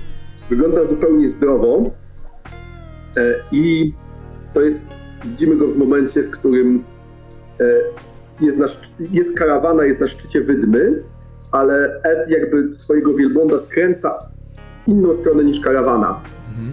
I na szczycie tego wzgórza jest też Kalil, e, który e, mówi: e, Przyjacielu, tak jak ci mówiłem, gdzie będziesz chciał wyjechać, tam wyjedziesz, tylko znajdź miejsce, gdzie wielbłąd nikogo nie zdziwi. E, więc Ed się odwraca, podnosi rękę i rusza na wielbłądzie przez pustynię. I podśpiewuje sobie. I myślę, że zostawmy, gdzie wyjedzie, albo czy w ogóle gdzieś wyjedzie. E, Chociaż to zostawia nam nie, nie, niedookreślony wątek Geraldine i, e, i e, Williama. Williama, więc, więc pociągnijmy to jeszcze chwilkę w takim razie. Mhm. Przecież on jedzie przez chwilę i to jest tak, że wydaje się, że ta pustynia będzie nieskończona i że będzie jechał i jechał i jechał, ale wyjeżdża na, na, e, na wydmę taką wyższą, której, za którą nie było widać co jest. Patrzy w dół i tam jest taki tunezyjski hotel all inclusive. Basen, y, turyści, palmy. To jest wszystko dalej w tej takiej arabskiej scenerii. On siada z tego wielbłąda, zostawia go tak jak stał, e, zdejmuje z siebie powoli te wszystkie szaty, e, które tam zostajesz w t-shircie USA w końcu i, w- i w jeansach, w krótkich spodenkach e, i wchodzi na teren tego hotelu, gdzie przy basenie e, siedzi Geraldine w stroju kąpielowym i popija drinka, a w basenie William się jakby chlapie wodą i, się, i, i pływa i się cieszy i mówi tato, tato i, e, i Ed mówi tak jak się umawialiśmy jestem. I co teraz? Tydzień wakacji w Tunezji. I co? Macie jakiś pomysł? W ogóle co? Matka dzwoniła i w tym miejscu już uciął. Dobra. I zostawił to w ten sposób. Absurdalnym happy endem, bo kto mi zabroni? A co ty, Michael? Jak widzisz swoją końcówkę? Moja końcówka jest taka, że widać e, White Hata czapce białej, ale takiej połączonej trochę z, e, z takim trochę turbanem nie do końca. Tutaj ma jakieś pokrycie, żeby szyi, w stroju takim arabskim, w szatach zawinięty. Ale jest w namiocie, e, chyba jest wieczór, bo jest przy świetle jakiś e, lamp oliwnych, ale absurdalnie wygląda ta scena przy piasku, jakichś dywanach, łożach, bo e, on siedzi przy komputerze pececie. Po prostu stoi pecet w namiocie z klawiaturą, on coś pisze, pisze palcami na mechanicznej klawiaturze, e, jakiś gamer gamingowej, uderza e, ręką, na której widać pierścionek. E, i z, jakiś z, biał, z białego jakiegoś metalu, taki pełnie niespotykany. I pisze coś i, e, i kamera się trochę obraca, widać, że jest e, Kyle e, w tym namiocie i mówi Jesteś pewny, że chcesz tego robić? Tutaj macie spokój. Whitehead się wraca. Muszę wiedzieć. Muszę wiedzieć i nie zaprzestanę. I ci ludzie, którzy tam nadal są, oni potrzebują tego kodu do wchodzenia w krainy i widzenia prawdy. Dlatego ci, którzy szukają, zawsze będą go otrzymywać. Nawet jeśli ktoś będzie chciał mi przeszkodzić. A kto wie, może w końcu kiedyś ja trafię tam, skąd mnie wygnano. Kaju kiwa głowy porozumiewawczo i taki jest ending. Jeremy. Tuż zanim zadeptałeś tego papierosa, usłyszałeś od Togariniego yy, wybór. Zdecydowałeś się zgasić, mimo tego, że on mówił, że to sprawi, że będziesz yy, będziesz poszukiwany, łapany, karany, będziesz zabawką. Ale nieraz w trakcie tych ostatnich czasów widziałeś, że e, różnie reagują na ciebie różne postaci. Oraz samo sobie usłyszałeś, że jesteś jakimś człowiekiem z Metropolis. Nauczyłeś się rzeczy, o których zwykłych ludzi się nie podejrzewa, że będą mogli się nauczyć. Co się dzieje z Jeremy Mo- McMollayem po tym wydarzeniu, kiedy jako Fred zgasił Kipa, nie doprowadzając do wybuchu?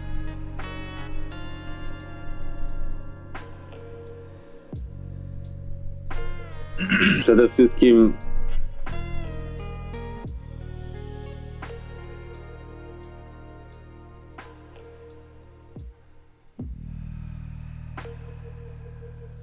A co się dzieje na placu?